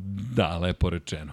Ali znaš šta, ja mislim da da kombinacija, ba, želim da vidim John Mir kako će ove sezone da funkcioniše, s tim što mislim da bi u ovoj datoj situaciji Alex Rins bio bolje rešenje, jer mislim da ima tu vrstu baš lucidnosti Alex Rins da nađe jednu crtu haosa organiz, i uz Davida Brivije da to postane organizovani haos koji je neophodan E pa sad, tu ima taj moment, uh, pošto se i te glasine se pojavljuju, ali očigledno da ima ima tu ovaj, i vatre. Vatre, da. Postoji neki dim. A, postoji, postoji osnovana sumnja da će Davide Brivio od 25. zameniti Lina Jarvisa.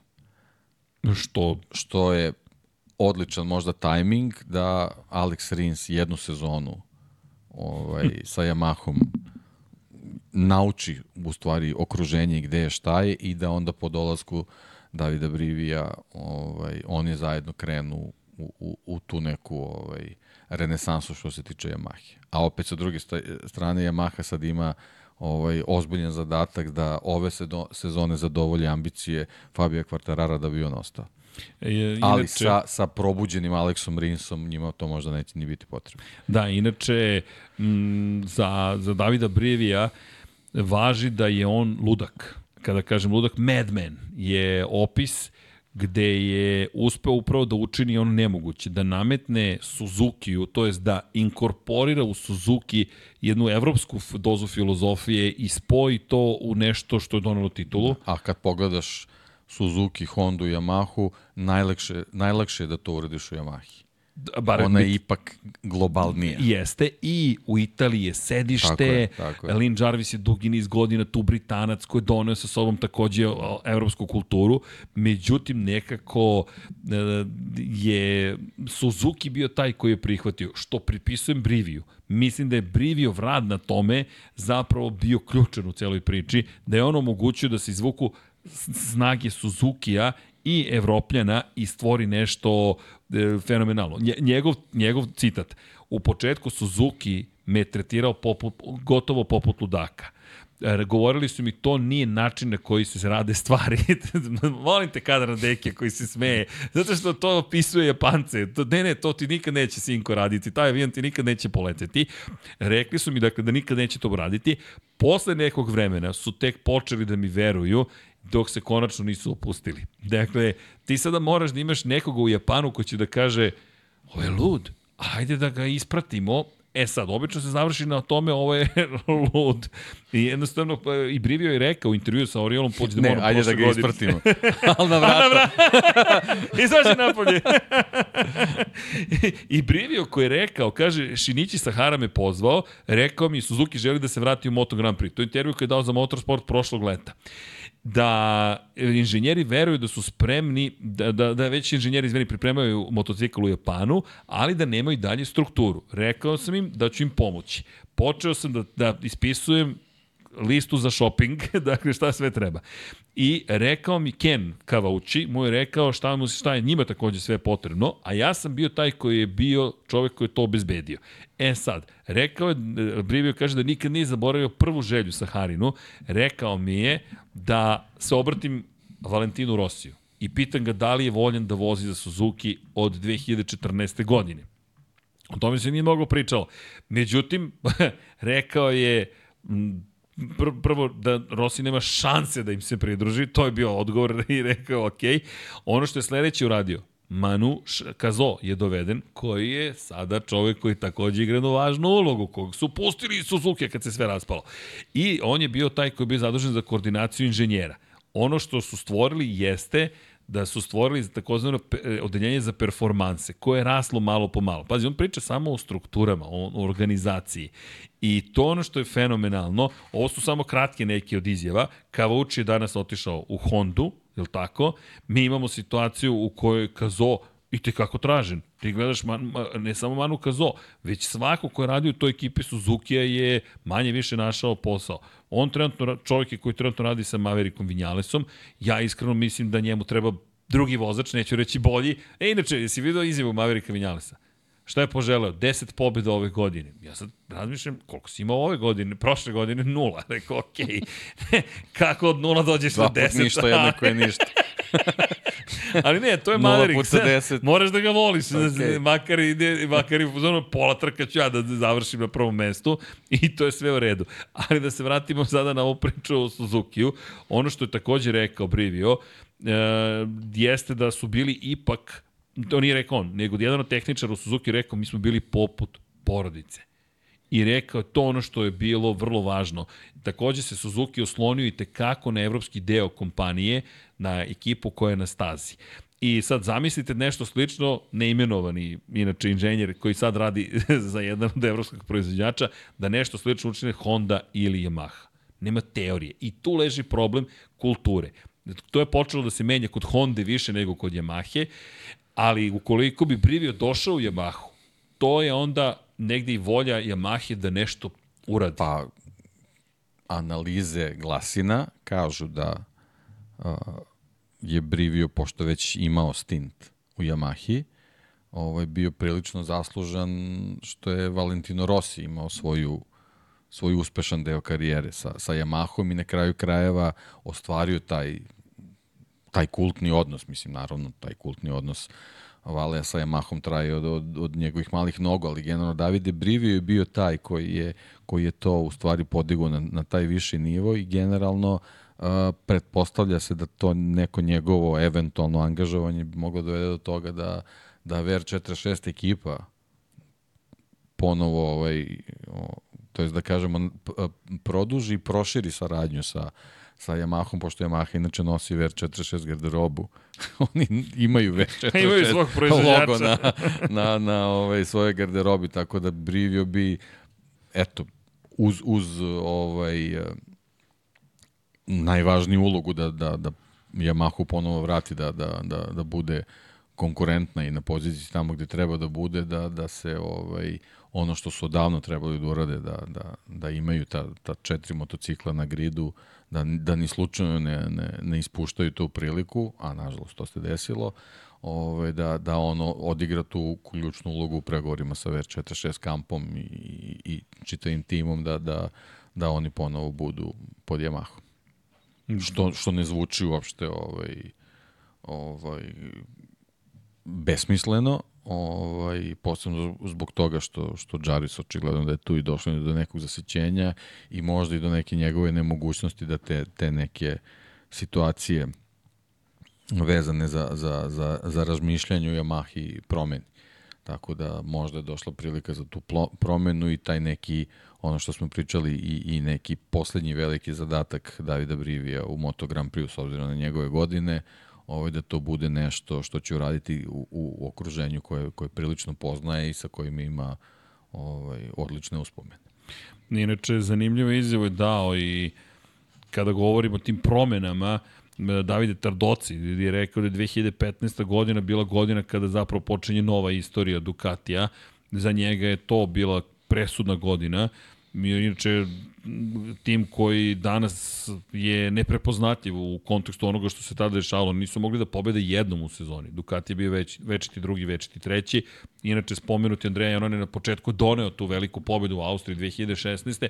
Inače se ta pobeda najavljivala, pošto je to staza tada, pre nego što su uvedene krivine pre godinu dana, sada dve, 2A i 2B bila bukvalno stvorena za Ducati, koji je bio mega super brz i stabilan na kočenju, ali ono što je rekao je, jeste zapravo da se sve promenilo kada je došao, naravno, Gigi Dalinja i kada je postavljen novi menadžment. Sve počinje od glave. Ne, ne polazi sigurno i nema šta. Ćabati, Dalinja i Tardoci, taj trio ljudi koji, koji su stvarno ovaj, jednostavno baš tim, ne, ne mogu da rade jedni, jednih bez drugih. To, to sam sad hteo i da, i da kažem vezano za Brivija. Mislim, verujem da je to nemoguće, da ne može na taj način da se gleda, ali uh, Yamaha kada bi htela neke, ne, kada bi htela neke stvari da postavi na, na, na, na neke, neke onako uh, kako bih rekao, ne mogu sad kažem zdrave noge, mislim daleko od toga da, da, da, da oni imaju neku organizaciju koja ne funkcioniše i samo jednostavno nisu, nisu ovaj, u mogućnosti da proizvedu nešto što bi moglo da, da konkuriše Ducatiju. Zamisli recimo tu situaciju da, na primjer, angažuju Brivija već za 24. godinu, koji bi imao u tom timu neku, neku funkciju Nike Laude. ti možda u tom, u tom slučaju ne bi ni morao da razmišljaš da prekidaš saradnju sa Lidom Jarvisom.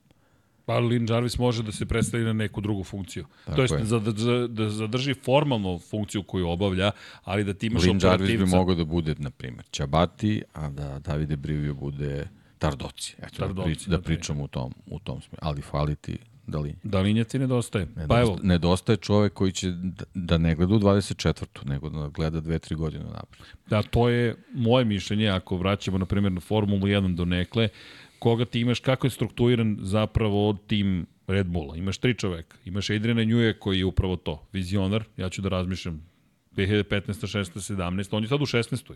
On, ja mislim da on u 16. uveliko, 26. 26. 16. Ali da, ok, kontam polako, Kucao sam, danas hvatam, ne, hvatam. kucao sam danas neki tekst, čovjek je rođen 11. januara 90. I ja šaljem poruku, pošto treba nešto promenio tekst, kažem 24 godišnji.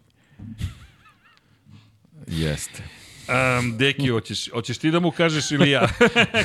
ko, Napiši bio. ko, ko će da mu kaže, jeli, ko će da mu saopšti situacija kakva je zapravo? Pak jao.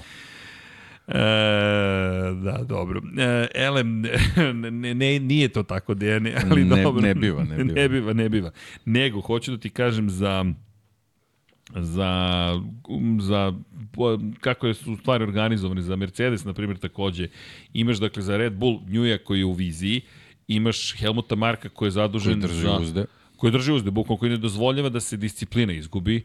On je taj koji, jer Christian Horner ne, ne donosi teške odluke. Christian da Horner kažem, je da. onaj nežniji, Uh, Helmut Marko čuva kredibilitet Kristijana Hornera. tako je. Jel to je bitno, kao što je Niki Lauda čuvao, čuvao kredibilitet Tota Wolfa. I nema šale. Dakle, ako je treba to. da se reže, Helmut Marko će da reže, Christian Horner će da kaže, sorry, tako smo se dogovorili i to je to. I sistem funkcioniše. Ti kada pogledaš, oni funkcionišu. I mm, ono što imaš jeste nešto što smo imali u Mercedesu kada smo imali Nikija Laudu. Pedel ovo je igrao svoju ulogu, ali mislim da je pre svega igrao veliku ulogu zapravo Ross Brown. Ross Brown da je bio taj koji je organizovao sistem. Toto Wolff ga ne sledio, ali Toto Ross Wolff Brown je naučio Žana Toda kako se to radi. E, bukvalno on kada je došao u Ferrari, on je uneo tu britansku školu, ajde da tako kažemo. Znao je Todd mnogo toga, ali mu je nedostajao taj element. I dobio ga je sa Rossom Bronom i naravno sa Schumacherom koji je mogao da sprovede na stazi u delu ono što su zamislili. Bez njega, bez svih njih zajedno nema tog Ferrari koji je postojao. I sad dolazimo na ovu priču u Hondi, jer Mislim da jedan od komentara je bio zapravo, jedan od čitalaca je u motorsportu prokomentarisao sve to super, svi krivu management, ali nije uvek samo do menadžmenta. Zašto je uvek do menadžmenta? Zato što menadžment bira operativce. Ako operativci ne rade svoj posao kako treba, nisu krivi operativci, zato što oni nikad neće otići sami po svojoj volji. Pa da, ali, dobro, sad, ajde pričamo o Hondi, zašto moramo sad da, da, Ali Hondi razlučimo, da razlučimo koje su imena tu. Ja se ponovo vraćam na Yamahu. Yamaha Okej. mi je sa ovim, ovim glasinama o, o, o, Briviju mi je probudila to razmišljanje šta bi moglo da se desi 24. Jasno, kad jasno. bi oni hteli. Ali samo hoću da i odgovoran bude Alberto Puć u celoj priči. To, Jer on da, je operativac ali- koji nije uradio ali, svoj ali posao. on mora sada da pronađe dvojicu. Jeste. A Yamaha, ako su ove glasine tačne, ima već sve. Znači, ako je Lin Jarvis tu, ako dovedeš Davida Brivija, tebi je Massimo Bartolini, koji je prvi čovek bio performansi u Ducatiju, prešao Yamahu. Ti sa tom trojicom ljudi možeš da napraviš trio kakav je Ducati imao, pri tom tebi iz Ducati odlazi Paolo Ćabati. Znači, ti možda možeš da imaš bolju startnu poziciju za sledećih nekoliko sezona. Ajmo ovako, ajmo, ajmo, ajmo da se vratimo na, na, na, na to da zapravo treba da pronađe dvojicu u celoj priči Puć. Da li Puć je taj koji treba da ih pronađe? Jer jedan od njih bi možda mogao da bude njegova zamena. On ima Kena Kavučija već. Dobro, ali očigledno da je Ken Kavuči kao da je bio i on u kadrovima i to sve, ali kao da nije kao da nije čovek koji je, koji je doneo to iskustvo i Suzuki je da je radio sa Saharom i, i Brivijom, gde je on bio da kažemo, deo tog, tog trilinga, ali nekako kao da, da u Hondi ali, nije dobio dovoljnu slobodu da u stvari neke stvari ustroji kako, E, e, kako se radilo tamo. e, pa evo. Jer ipak Honda je već od Suzuki. ali pogledaj ovo, Brivio je rekao, meni je Ken došao i rekao nabavi mi ovo. Verovatno je Kavuči otišao kod Puđa i rekao nabavi mi ovo. Zato, zato mislim da, da neko iznad Puđa mora da donese promene. Jer Puđ bi vjerojatno sebe trebalo da smeni. Redko koji čovek sebe smeni i kaže ima neko bolji za, moje, za moju poziciju. To, to ne, ne nisam još video. Zaista. Ali zato kažem, e, Puđ, ono što si ti lepo rekao, Puđ nije imao potpisanog vozača 5 dana pre e, testiranja. O čemu pričamo? Čovjek nije imao plan za odlazak Marka Markeza. Njegov plan je bio biće sve u redu, Mark neće otići. Kako možeš da budeš ozbiljan menadžer i na toj poziciji? Jer vidi, ja bih razumeo da je to neka mala ekipa koja brine o platama, troškovima, e, da li će preživeti sledeću godinu, e, moraš da voziš kamion zato što nemaš dovoljno ljudi da zaposliš, radiš pet poslova isto vreme. Ja, mo, ok, mogu da razumem. Čekaj, ti si oslobođen svih vrsta pritisaka. Pritisaka, da. Ti nemaš ni jedan pritisak osim da uradiš svoj posao. Ti ne pitaš se da li će da mi legne plata, kao što su se pitali u mnogim timovima. RNF Aprilija i slično. Ti ne znaš sa RNF-om šta će biti. Ti imaš osjećaj nesigurnosti u toj ekipi. Šta, u Repsol Honda imaš osjećaj nesigurnosti. Šta, za budućnost? Ne, ti loše radiš svoj posao. Tvoj posao je bukvalno da pripremiš ekipu za ono što dolazi. Ostao Mark Marquez, otišao Mark Marquez. A moj utisak je kao da on čekao, pa kad Mark donese odluku, onda ćemo da saznamo šta nam je sudbina. To ne, tako ne možeš da pa, radiš posao. I, I to je problem, problem tog ustrojenja i u prethodnim sezonama koje se sve vrtilo oko toga kako će Mark Marquez da odluči i šta će da uredi. I ti već kasniš tu. Pa niti ne da kasniš, nego ja ne znam, ti, ti si, u, ti si u, ne da. u, u, u kašnjenju, ti, dve, ti gubiš celu godinu i po. Jer ti zapravo si dozvolio da neko drugi možda potpiše ugovor s nekim ja drugim. Ja zato govorim da u ovoj trenutnoj situaciji, ovaj, bez obzira koliko je što se tiče performansi u lošoj poziciji, mislim da Yamaha može da bude u prednosti ako, ako iskoristi sve ove stvari koje, koje su radili. Posebno zato što dovođem itali, italijanskih inženjera iz Ducatija, oni su nekako više usmereni ka Evropi, nekako je mnogo lakše te japanske filozofije pobediti i, i, i radikalnije pristupiti ovaj, eh, izradi novog motocikla da bi, da bi on bio ovaj, ono gde, gde, treba, gde treba da bude. Honda, iako mi deluje da stvarno mnogo rade, ono što si ti doneo sa, sa zimskih testiranja, sve šta smo, šta smo videli, Baš ne sa zimskih, nego po sezonskih ovaj, u Valenciji, stvarno deluje da su, da su mnogo, mnogo truda uložili, ali sad samo problem da to organizaciono ustroje tako da, da to može stvarno da funkcioniše kao švajcarski sat. To je ono što je bitno. Jer, jer ako si u jednoj fazi nešto dobro radio i onda, onda propustiš, napraviš džepove u nekim drugim fazama, onda, onda nema toga ništa. E sad, ovo sve što je, da se vratimo na u stvari taj početak priče, to sve što je inicirao, taj dolazak ovaj, Luke Marini, sa te neke njegove ambicije koje se pokazuju i neke vrednosti koje su nam otkrili neki ljudi koji su, koji su razmišljali o njemu i, i potvrdili ga da on treba da bude taj koji će doći, govore da da su možda i oni pronašli neku formu i da ćemo možda formu i formulu i da ćemo možda u nekih sledećih par nedelja dobiti neka imena koja su zaslužna za, za neki novi uspon ovaj Honda pre svega, onda i ekipe Repsol Honda. U kontekstu cijele ove situacije, vraćam se sada i na Ducati. Kada imaš takvog rivala koji ti jasno postavio standard, jer ono što je Tardoci podsjetio jeste, u to vreme su svi pričali ovaj motocikl može da vozi samo Casey Stoner. To je ono što si ti spominjao. Mi smo sada u situaciji da imamo osam Ducatija od kojih svaki može da pobedi. Nisu svi pobedili, dvojica nisu pobedila samo na Ducatiju, ali mi došli smo do situacije toga da ti zapravo imaš gotovo nepobedive ljude. Dakle, ti, ti kako da izađe na stazu, manje više zabeleži triumf. Jedini koji nisu pobedili su Luka Marini i Alex Marquez od njih osam dvojica nisu pobedili, dakle mi nemamo više diskusije o tome, oni su potpuno promenili. Inače, rekao je, motocikl koji smo izveli na stazu 2015. je zapravo osnova današnjeg motocikla i svi motocikli u nastavku 16, da. 17, 18, 19, 20, 1, 2, 3 su evolucija e, tog motocikla. to bilo pre 9 godina i ovaj, ti sad imaš situaciju, ono što se desilo Mercedesu u Formuli 1, da ljudi odlaze od tebe. Jeste. Aston Martin kupio ljudi iz Red Bulla, kupio ljudi iz Mercedesa. Nije još na nivou, ali nešto se dešava. I McLaren takođe doveo I naravno ljude. nije, nije sad to regrutovanje ne mora da znači da ćeš uvek da, da napraviš pravi potes. Da, ali ti jednostavno radiš. Vidi, pokušavaš... Znači, pronalaziš ljude koji imaju svoju karijernu ambiciju da, da, da dođu na neke više Ali, odgovornije funkcije. Ti si doveo nekoga, ako ne uspe, završite saradnju idete dalje. Je. To, je, to je prosto deo procesa da, da bi bio najbolji u nečemu I sad dolazimo do Honda, koja drži Alberta Puđa, služi na čast. Ne znam da li je Alberto Puđ toliko odgovoran ili ne. Ali ako pričamo o menadžmentu, ispod glavnog menadžmenta u Japanu... Veliko je pitanje koliko je on Puđ. smeo da, da bude glavni. I, I to je, I to je veliko pitanje, pitanje. tako je. Jer opet dolazimo na kulturu Znaš, Honda. nije uopšte problem kad se pobeđuje. Ne, Ne, samo imaš nekog čoveka super. koji tu figurira. Sve je sve super. super. Imaš vozača koji nosi sve. E, kad se to promeni, a ti, a, nije se ništa desilo preko noći. Znači, oni su 2020. znali da su u problemu. Ništa nisu uradili po tom pitanju. A Albert, a, Alberto Puđ možda nije ni imao ingerencije da može nešto, on je možda i najbolje bio upoznan sa situacijom. Ja mislim da su da se niko tu nije snašao u incidentu u, u veličini incidenta Marka Markeza. Ne branim ih, samo mislim da niko nije mogao da predvidi tektonski poremećaj koji će se desiti. Zašto? Jer oni su pokušali da promene Oni su pokušali da promene 2021. Uveli su novi motocikl koji su razvijeli Pole Spargaro, Alex Marquez i Takaki Nakagami, koji je katastrofa. Pa to je da, oni su, oni su ga razvijali, ali uh, oni verovatno nisu bili slušani.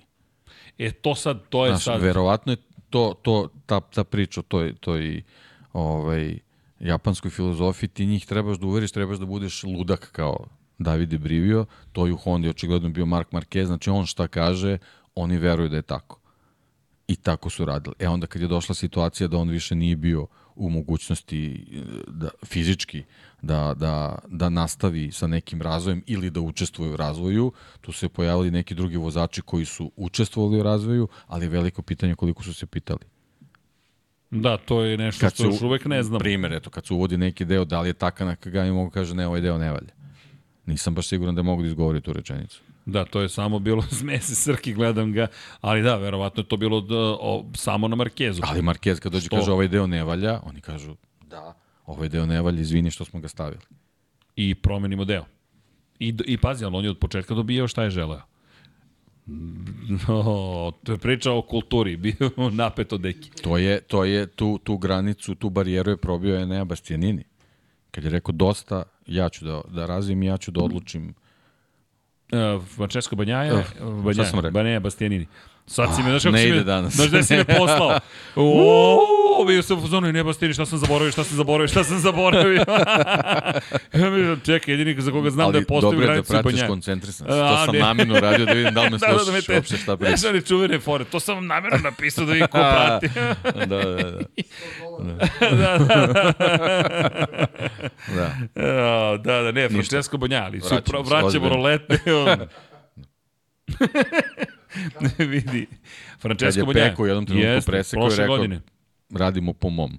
Ne, ne, zato Mislim, su... tako zvuči, ali nije on je- baš tako ali on je bilo, javno rekao, jeste. ljudi, neću više testiram delove Tako u je. sred trka, man, šta Tako radimo? Mi testiramo delove u momentu kad ostali usvajaju poene. Nema testiranja. Ja nisam test vozač, ja sam šampion, ja sam ovde da odbranim titulu. Tako je. I to jeste, i to je, ali i Ducati rekao, ok, Peko, i ono što mi se svidelo kod Ducatija prošle godine, i kad je padao, i kad je to izgledalo zaista dramatično, komentar je bio, sve će biti ok, E, samo znači, polako. to je sad na, na Luki Marinu da zaklopimo ovu celu priču koja je počela Jasno. s njim, da kad nešto kaže da dobije iz Japana odgovor, ok, Luk.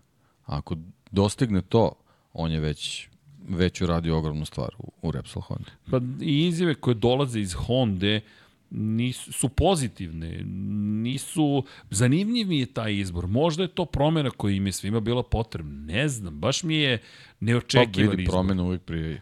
Prijeju, ba, pazi, makar ćete razmrdati, čak i da ne ispad, ispadne sve Znaš, kako su posle, želeli. posle 3-4 baš loše sezone, Dobro, malo su se razmrdali. da, vidjet će. Pa, Ne, znaš kako, ra, razmisl, razmrdali su se, brojevi su baš bili loši.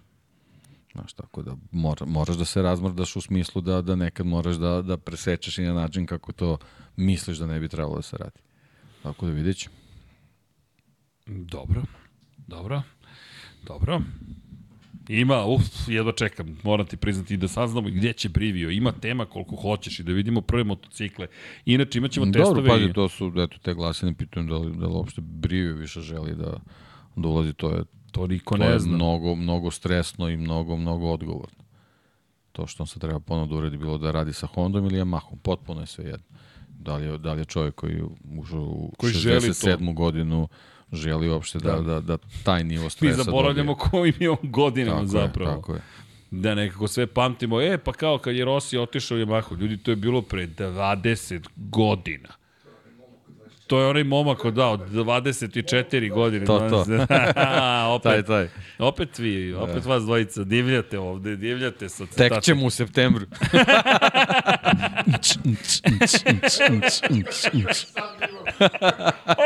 Uhvatili smo ga. yes! ne vidim tamo, ugasio mi se televizor, pa ne mogu da pratim. Najbolje kad se samo desi. Pa da. A, jako. ok, o, ovo mi se dopalo, moram ti priznati, ali eto, čisto da znate. 31. avgust, večera sa Srkijem. Veče, poslednja večer. Jimmy, Miksa, Biraj mesto. Vanja. Biraj svi. mesto. To, to. U drugovi je. vam žao? Onda tamo negde kamen I u decembru. Sprejimo mu papuče, bade mantil, kozmetiku, sve Hvala, hvala, drugari, hvala. Vi se šalite, ali ja stvarno, da, avgust kad se završi do 8. decembra akcija. Do 8. decembra. 8. decembar je poslednji datum poslednje trke Formula Pazi, 1. nije ni 8. januar još. Razumeš, 8. decembra će da se završi sve. Ok, septembar, oktobar, no- novembar, dec... Ju, ju, ju, ju, ju, ju. Ništa ima Patreon. Gotovo, sad je već krenuo, Sad sam u depresiji. Gde mi je paja? E, moramo paju da razbrdamo, nešto nam je, moramo da ga ne, nešto mi je demoralisano u novoj godini, sad ćemo da mu popravimo raspoloženje. Je li dobio Partizan? A Zvezda? Ni Zvezda je dobila. Fenerbahče čoveč. Uf. Kako, kako? Sutra igraju Zvezda i Partizan. Sutra igra Zvezda. Meni se će pod kapicom da ga motiviš. Sutra krećemo u Evropsko Šta je sutra live? A live je... Uh, it's a live. Ima sutra neki Jedan live? na jedan. Pa kad će kad ima? Posle utakmice ili? Ko je? Pa Zvezda Partizan. A, mislim da su oni u Su, ali oni rade samo NBA. NBA 22 ili 22 Pa da li 30. kad, kad zbog termina samo? 22 ili 22 30, nisam siguran. Ako budu termin utakmice. Ne znam kad je utakmica. Ne. Ne, tako? 22 Ljudi Dva, aha, da, aha, dobro. Dva, ja, Dobro, bla, bla, bla, bla, bla. 22 30, ja mislim. Da. Vidi, najavili su 22 ovako interno. To znači 22 30. E, da, i to će, to će sad... Ja mislim da ti to iskusnije. Ti zakaži za 22 30, a reci im da je u 22. Da, da. I oni će u 22 Pošto oni nakon neće lab da gledaju, Tako je, tako neće, da će oni, on neće čuti. oni će u 22-17 da utrče, razumeš? A ti opušti. I ti kažeš, ne, ti ih kritikuješ, momci opet, šta je ovo? Ne, pri, e, znaš da ih je pos- postrojio? Pa kako ne? Rekao je, momci, ovako ne može više. Jer Ja bih ga slušao. Ko ti je, ko ti je sense? Jeli, je li potkonjak, a?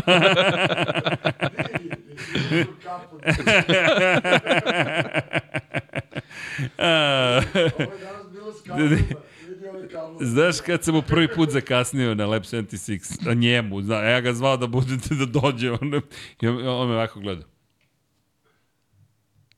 Tišina.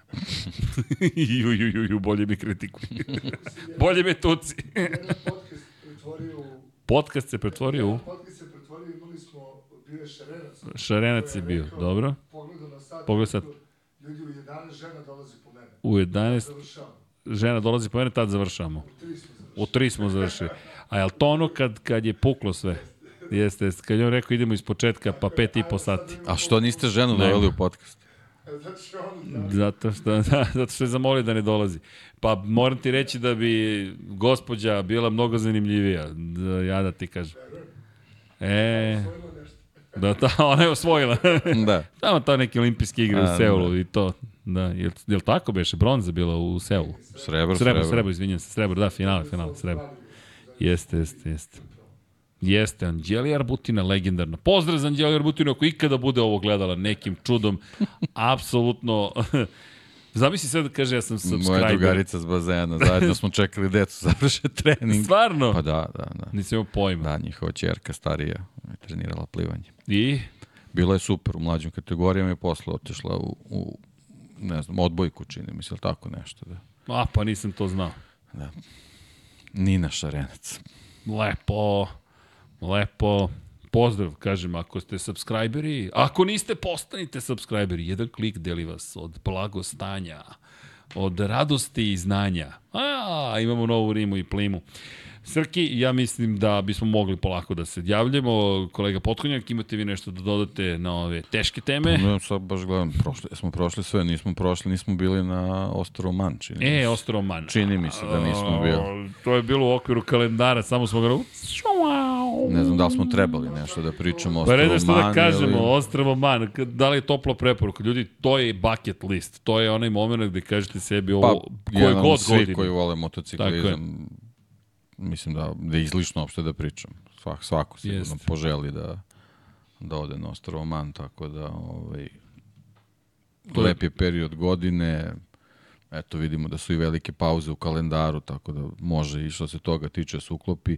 Dve nedelje traje, moje neko razmišljanje je pošto nije tu, tu jedna trka u pitanju, generalno je potpuno sve jedno kad, kad možete da uklopite dole, to je u, u roku te, te dve nedelje, čak neki ljudi, to sam čitao nekim forumima, ako, ako baš želiš zbog destinacije i da budeš tamo, sve čak je bolje biti u toj nedelji kad su samo Jasno. kvalifikacije, zato što one se obično dešavaju popodne, tako da bukvalno čitav dan imaš i da šetaš po ostrvu i da, da vidiš što je, kažem, mnogo je, mnogo je lepo da se na taj način ovaj priključiš, a generalno, a da osjetiš brzinu, možeš to da uradiš i, i kad su kvalifikacije, uopšte ne mora se da se bude na, na, na samoj trci. Ono što je super, naravno, vezano za Ostrovo Man, je da su ono, 90% pozicije na stazi su besplatne. Nema, nema, nema ulaznica, ulaznice su samo za te glavne tribine i sad tu isto postoji taj moment, znači uz taj, taj moment vezan za, za kvalifikacije i priliku da možeš jednostavno da živiš i da osetiš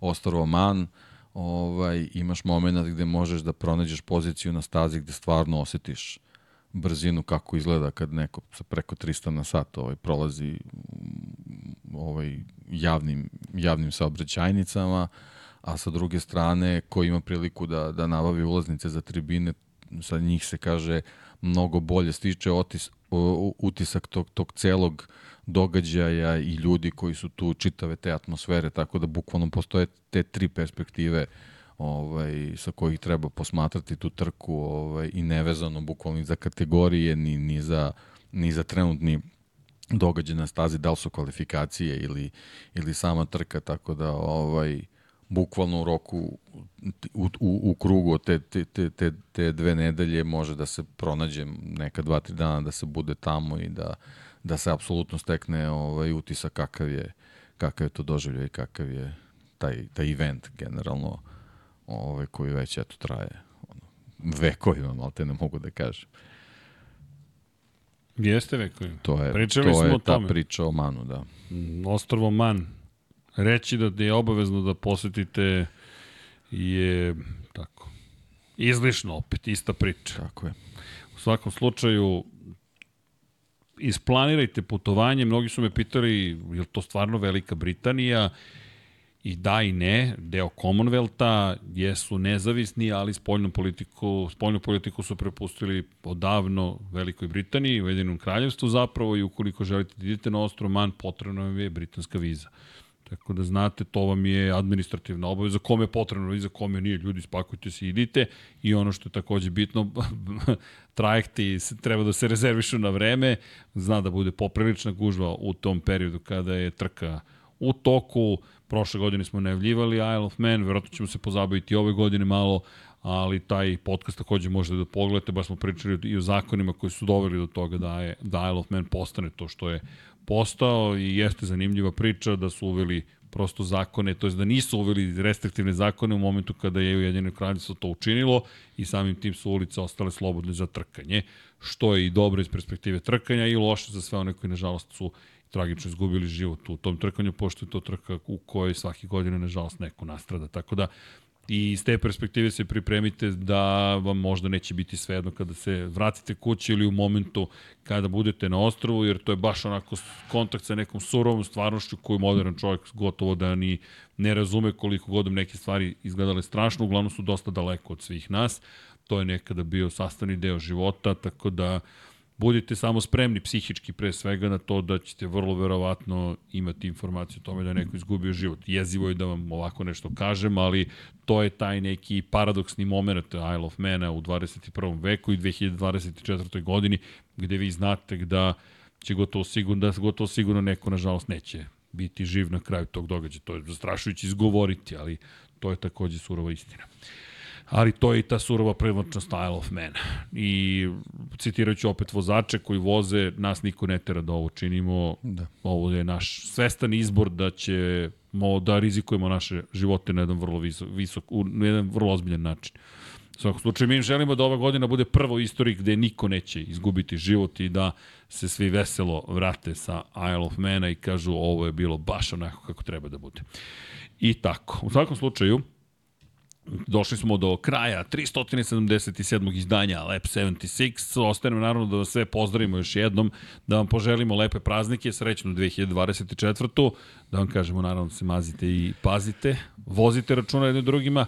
Ukoliko vam se dopada ovo što radimo, kliknite like, subscribe bi bio super, nama bi puno značilo, pošto će nam pomoći da i dalje budemo nezavisni, funkcionišemo, rastemo, razvijamo se. Mi vam, kažem, još jednom želimo svako dobro pre svega zdravlja, sreće, ljubavi, ovo ostalo potrudit ćete se, nadam se vi. Ako možete neko slobodno vreme da ugrabite u svim mojim trkama, sjajno. ne znam kako će mi to da izvedemo, osim što ću reći september. Uuu! I mi isto. Dobro, imamo 8 meseci da se zabavljam. A onda kreće akcija. Dobro, očigledno ću ja morati da treniram. Psihofizički pripreme vrlo ozbiljne da budu za, za veliku završnicu sezone. E da, još jedan poziv, shop.infinitylighthouse.com, biće novih knjiga ove godine, biće i novih majica, radimo na svemu tome. E da, kad si čisto stvarno da. ne možemo da propustimo. Danas je 55. rođendan Mihajla Jeste, Mihajla Šumahira, jeste. To sam razmišljao pre što sam da, došao. Da, jeste, da, jeste, da. jeste. Kad si malo spomenuo i tu surovo života, eto, nekako se sve nadovezalo. Nadovezalo se na jedan način koji, koji Da, koji, pa eto, to vam je život opet. Pomislite, završio sam karijeru vozača Formule 1, sledi neki druga, neka druga vrsta života i on dođete u situaciju da, da zapravo pričate o tome da se Mihael Schumacher i dalje bori za ozdravljenje. Keep fighting, Michael ostaje. Poruka, na, mi se nadamo čudu i dalje, koliko god da smo svesni da će to biti vrlo teško, ali zaista se nadamo da će uspeti nekako da se izbori, da će sve biti onako kako treba da bude. Šta da vam kažemo, nego da vam želimo lep nastavak godine, srećan rođendan Mihajlu, mi se nadamo, kažem, još jednom čudu i nastavit ćemo da navijamo za njega, nastavit ćemo da navijamo i za Mika Šumahera u novoj karijeri, vozača fabričkog Alpine u trkama hiperautomobila u sportskom u šampionatu u svetskom izdržljivosti. U Le Manu će imati najveći izazov ove godine, nije mala stvar, Mik Schumacher će biti deo jedne vrlo prestižne porodice, Renaultove, Alpinine, u ovom slučaju kada reče o robnim markama, i kada pogledate i Mihajlo je osvojio jednu od svojih sedam titula koristeći Renault motor 1995. godine u Benetton Renault, pa je tako, tražimo neku vezu da je nađemo u tome. Još jednom, srećni praznici ljudi, zahvalit ćemo se svima koji su naši patroni, ko želi da postane pokrovitelj, patreon.com kroz Infinity Lighthouse ili kliknete join dugme na YouTube-u i podržite ekipu u svemu onome što radi. Hvala vam, vratit ćemo se naravno kada pročitamo imena svih Patreona i još jednom ćemo reći da, zaista svaki put pročitamo imena svih Patreona. Juče su nam bili Ana i Luka i kaže Luka, vi stvarno čitate imena svih Patreona? Da, svaki put pročitamo imena. Ponekad se desi kao kad imamo snimak da je snimak iskorišćen kao što je bilo za novu godinu, ali ljudi, iako je ovo, ovo premijera jeste snimak, ovoga puta uživo, re-live ćemo čitati i još jednom veliki pozdrav, hvala, a Srki, idemo mi da se pozdravimo sa našim pokroviteljima. Nenad Đorđević, Branimir Rijavec, Milan, Jelena Veljković, Katarina, Jelena Mak, Optimistik Josh Allen Fan, Ivan Panajotović, Branimir Petronijević, Nedim, Stefan Lešnjak, Petar Nujić, Simović Sarajevo, Đorđije Lopušina, Jovan Đodan, Stefan Radosavljević, Mlađan Antić, Ljubo Đurović, Ivan Rečević, klub štovatelja Ramona Mjereza, Petar Relić, Šefko Čehić, Benjo KK, Nenad Pantelić, Marko Radanović, Mirjana Živković, Marko Kostić, Vladidov Dave, Strahinja Blagojević, Milan Nešković, Marko Horg, Igor Gašparević, Ružica Stefanović, Nemanja, Daniel Kolobarić, Stevan Zekanović, Bojan Bogdanović, Milan Ristić, Boris Gvozden, Grgo Živaljić, Vladimir Petković, Ivan Maja Stanković, Nikola Milosavljević,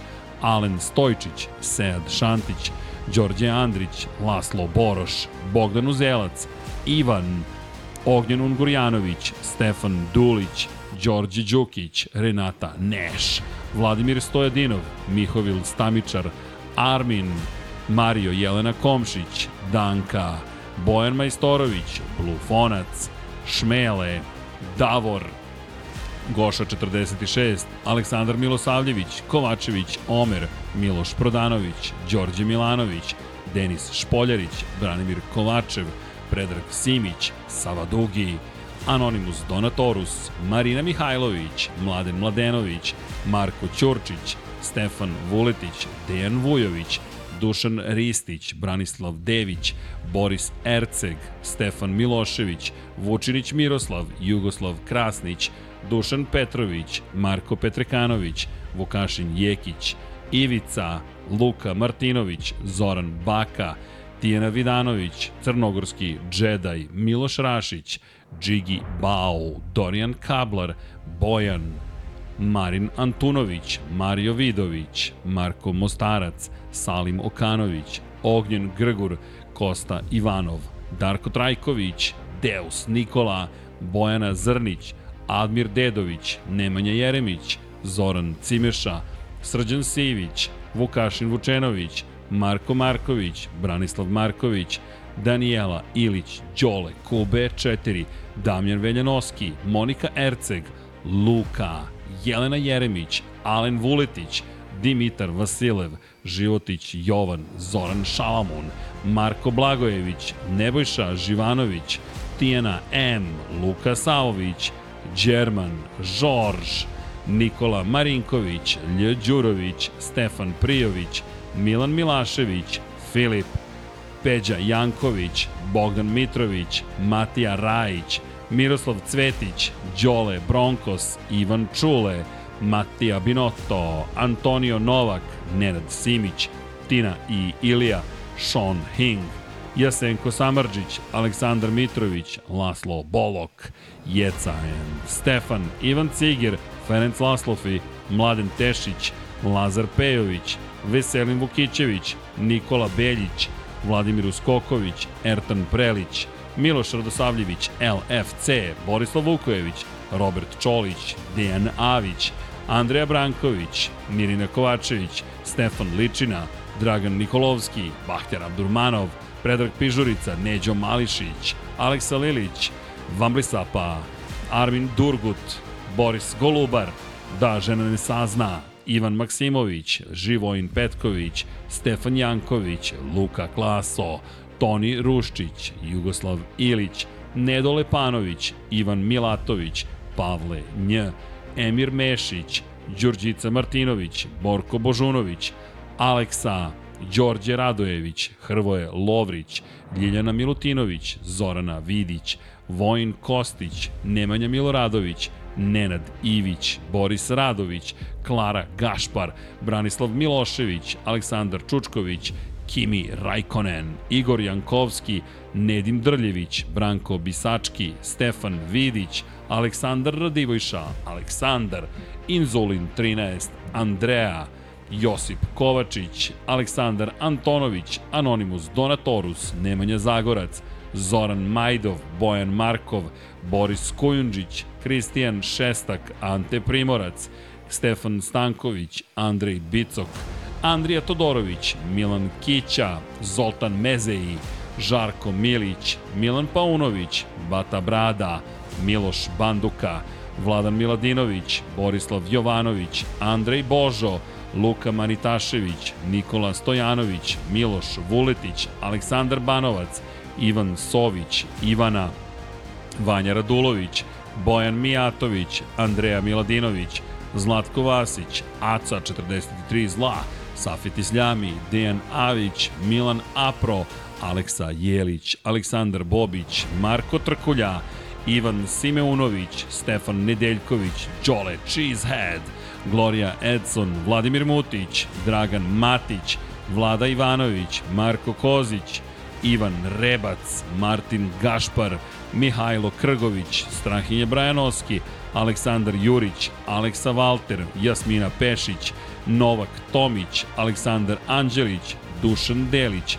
Lukas, Aleksa Vučaj, Nemanja Labović, Nikola Božinović, Saša Ranisavljević, Kristina Ratković, Dimitrije Mišić, Igor Vučković, Anonimus Donatorus, Branislav Kovačević, Dejan Đokić, Miloš Rosandić, Dario J, Matej Sopta, Mladen Krstić, Miloš Todorov, Dejan Janić, Ognjen Marinković, Vladimir Jovanović, Nikola E, Vladimir Filipović, Nikola Grujičić, Vuk Korać, Marko Bogavac, Ivan Toškov, Lazar Hristov, Petar Bijelić, Uroš Ćosić, Luke Williams, Pujo, Milorad Reljić, Zlatko Marić, Nemanja Miloradović, Nikola Grđan, Drago Veković, Bojan Markov, Sadam Mehmedović, Peja MD, Dejan Plackov-Plackov, Marko Jevtić, Zoran Mladenović, Bojan Stanković, Amar Taso,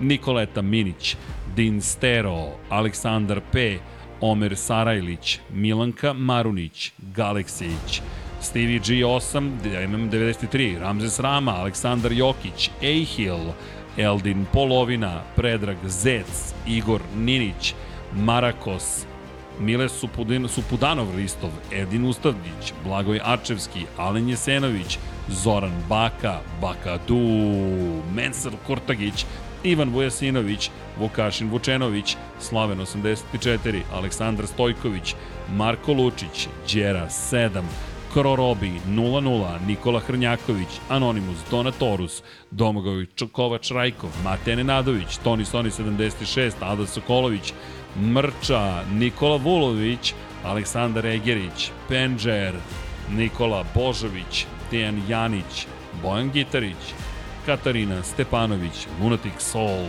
Kromit, Saša Stevanović, Marko Bogavac, Ljiljana Milutinović, Nikola Adamović, Žika Su, Aleksandar Kockar, Konstantin Mlinarević, Almedin Ahmetović, Igor Ilić, Vladimir Vujičić, Ivan Božanić, Mađar 007, Almir Vuk, Aleks Vulović, Vojislav Tadić, Nikola Grujičić, Igor Vranić, Miloš Stanimirović, Nemanja, Pavle Lukić, Jovan Bojanić, Nedžad Mrakić, Miloš Zed, LFC, Bruno Jurić, Filip Knežević, Vladimir Subotić, Future Graciano Rossi, Tatjana Lemajić, Nemanja Cimbaljević, Tomić Miloš, Aleksandar Radivojša, Uroš Čuturilo, Branko Rašević, Marina, Vlada Ivanović, Vladan Đurić, Ivan Vincetić, Deni Fejzić, Stefan Škrbić, Ivor M, Srđan Ćirić, Vladimir Bulatović, Ivan Hornjak, Ivan Magdelinić, Laslo Bolok, Jovan Bajić, Resničanin, Jelena Jeremić, Đorđe Janjić, Milan Knežević, Vuk, Andreja David, Marko Stojilković, Josip Buljovčić, Oliver Nikolić i Škundra. Škundra, gde sam ja? O, fade in, idemo. Voli Srke ove fejdove. Ja znam gde sam ja, nego Srki, gde je Dejan? Gde je Deki?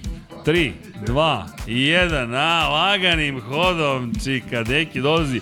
Čekaj, ovde sam nešto radio s mikrofonom, ali vi sad ne znate da li je zaista Deki bio, a to je ili ne, otkrila te maskara, otkrila te, otkrila te Srki, a znam ja po nešto. U svakom slučaju, ljudi, veselo u novu godinu ulazimo, Deki i ja ova dva dana zajedno ne odvajamo se, a verovatno i sutra i preksutra i nak sutra. Pa evo, ajde, završi taj vaterpolo pa da radimo i ove druge stvari, ove točkove. Ljudi, još jednom, neka bude uzbudljiva, zabavna, sjajna trka, putujte na što više takmičenja, neka bude srećno, beričetno i neka najbolji pobedi, a umeđu vremenu like, share and subscribe, šalim se, mazite se, pazite se, volite se i naravno, Ćao, svima.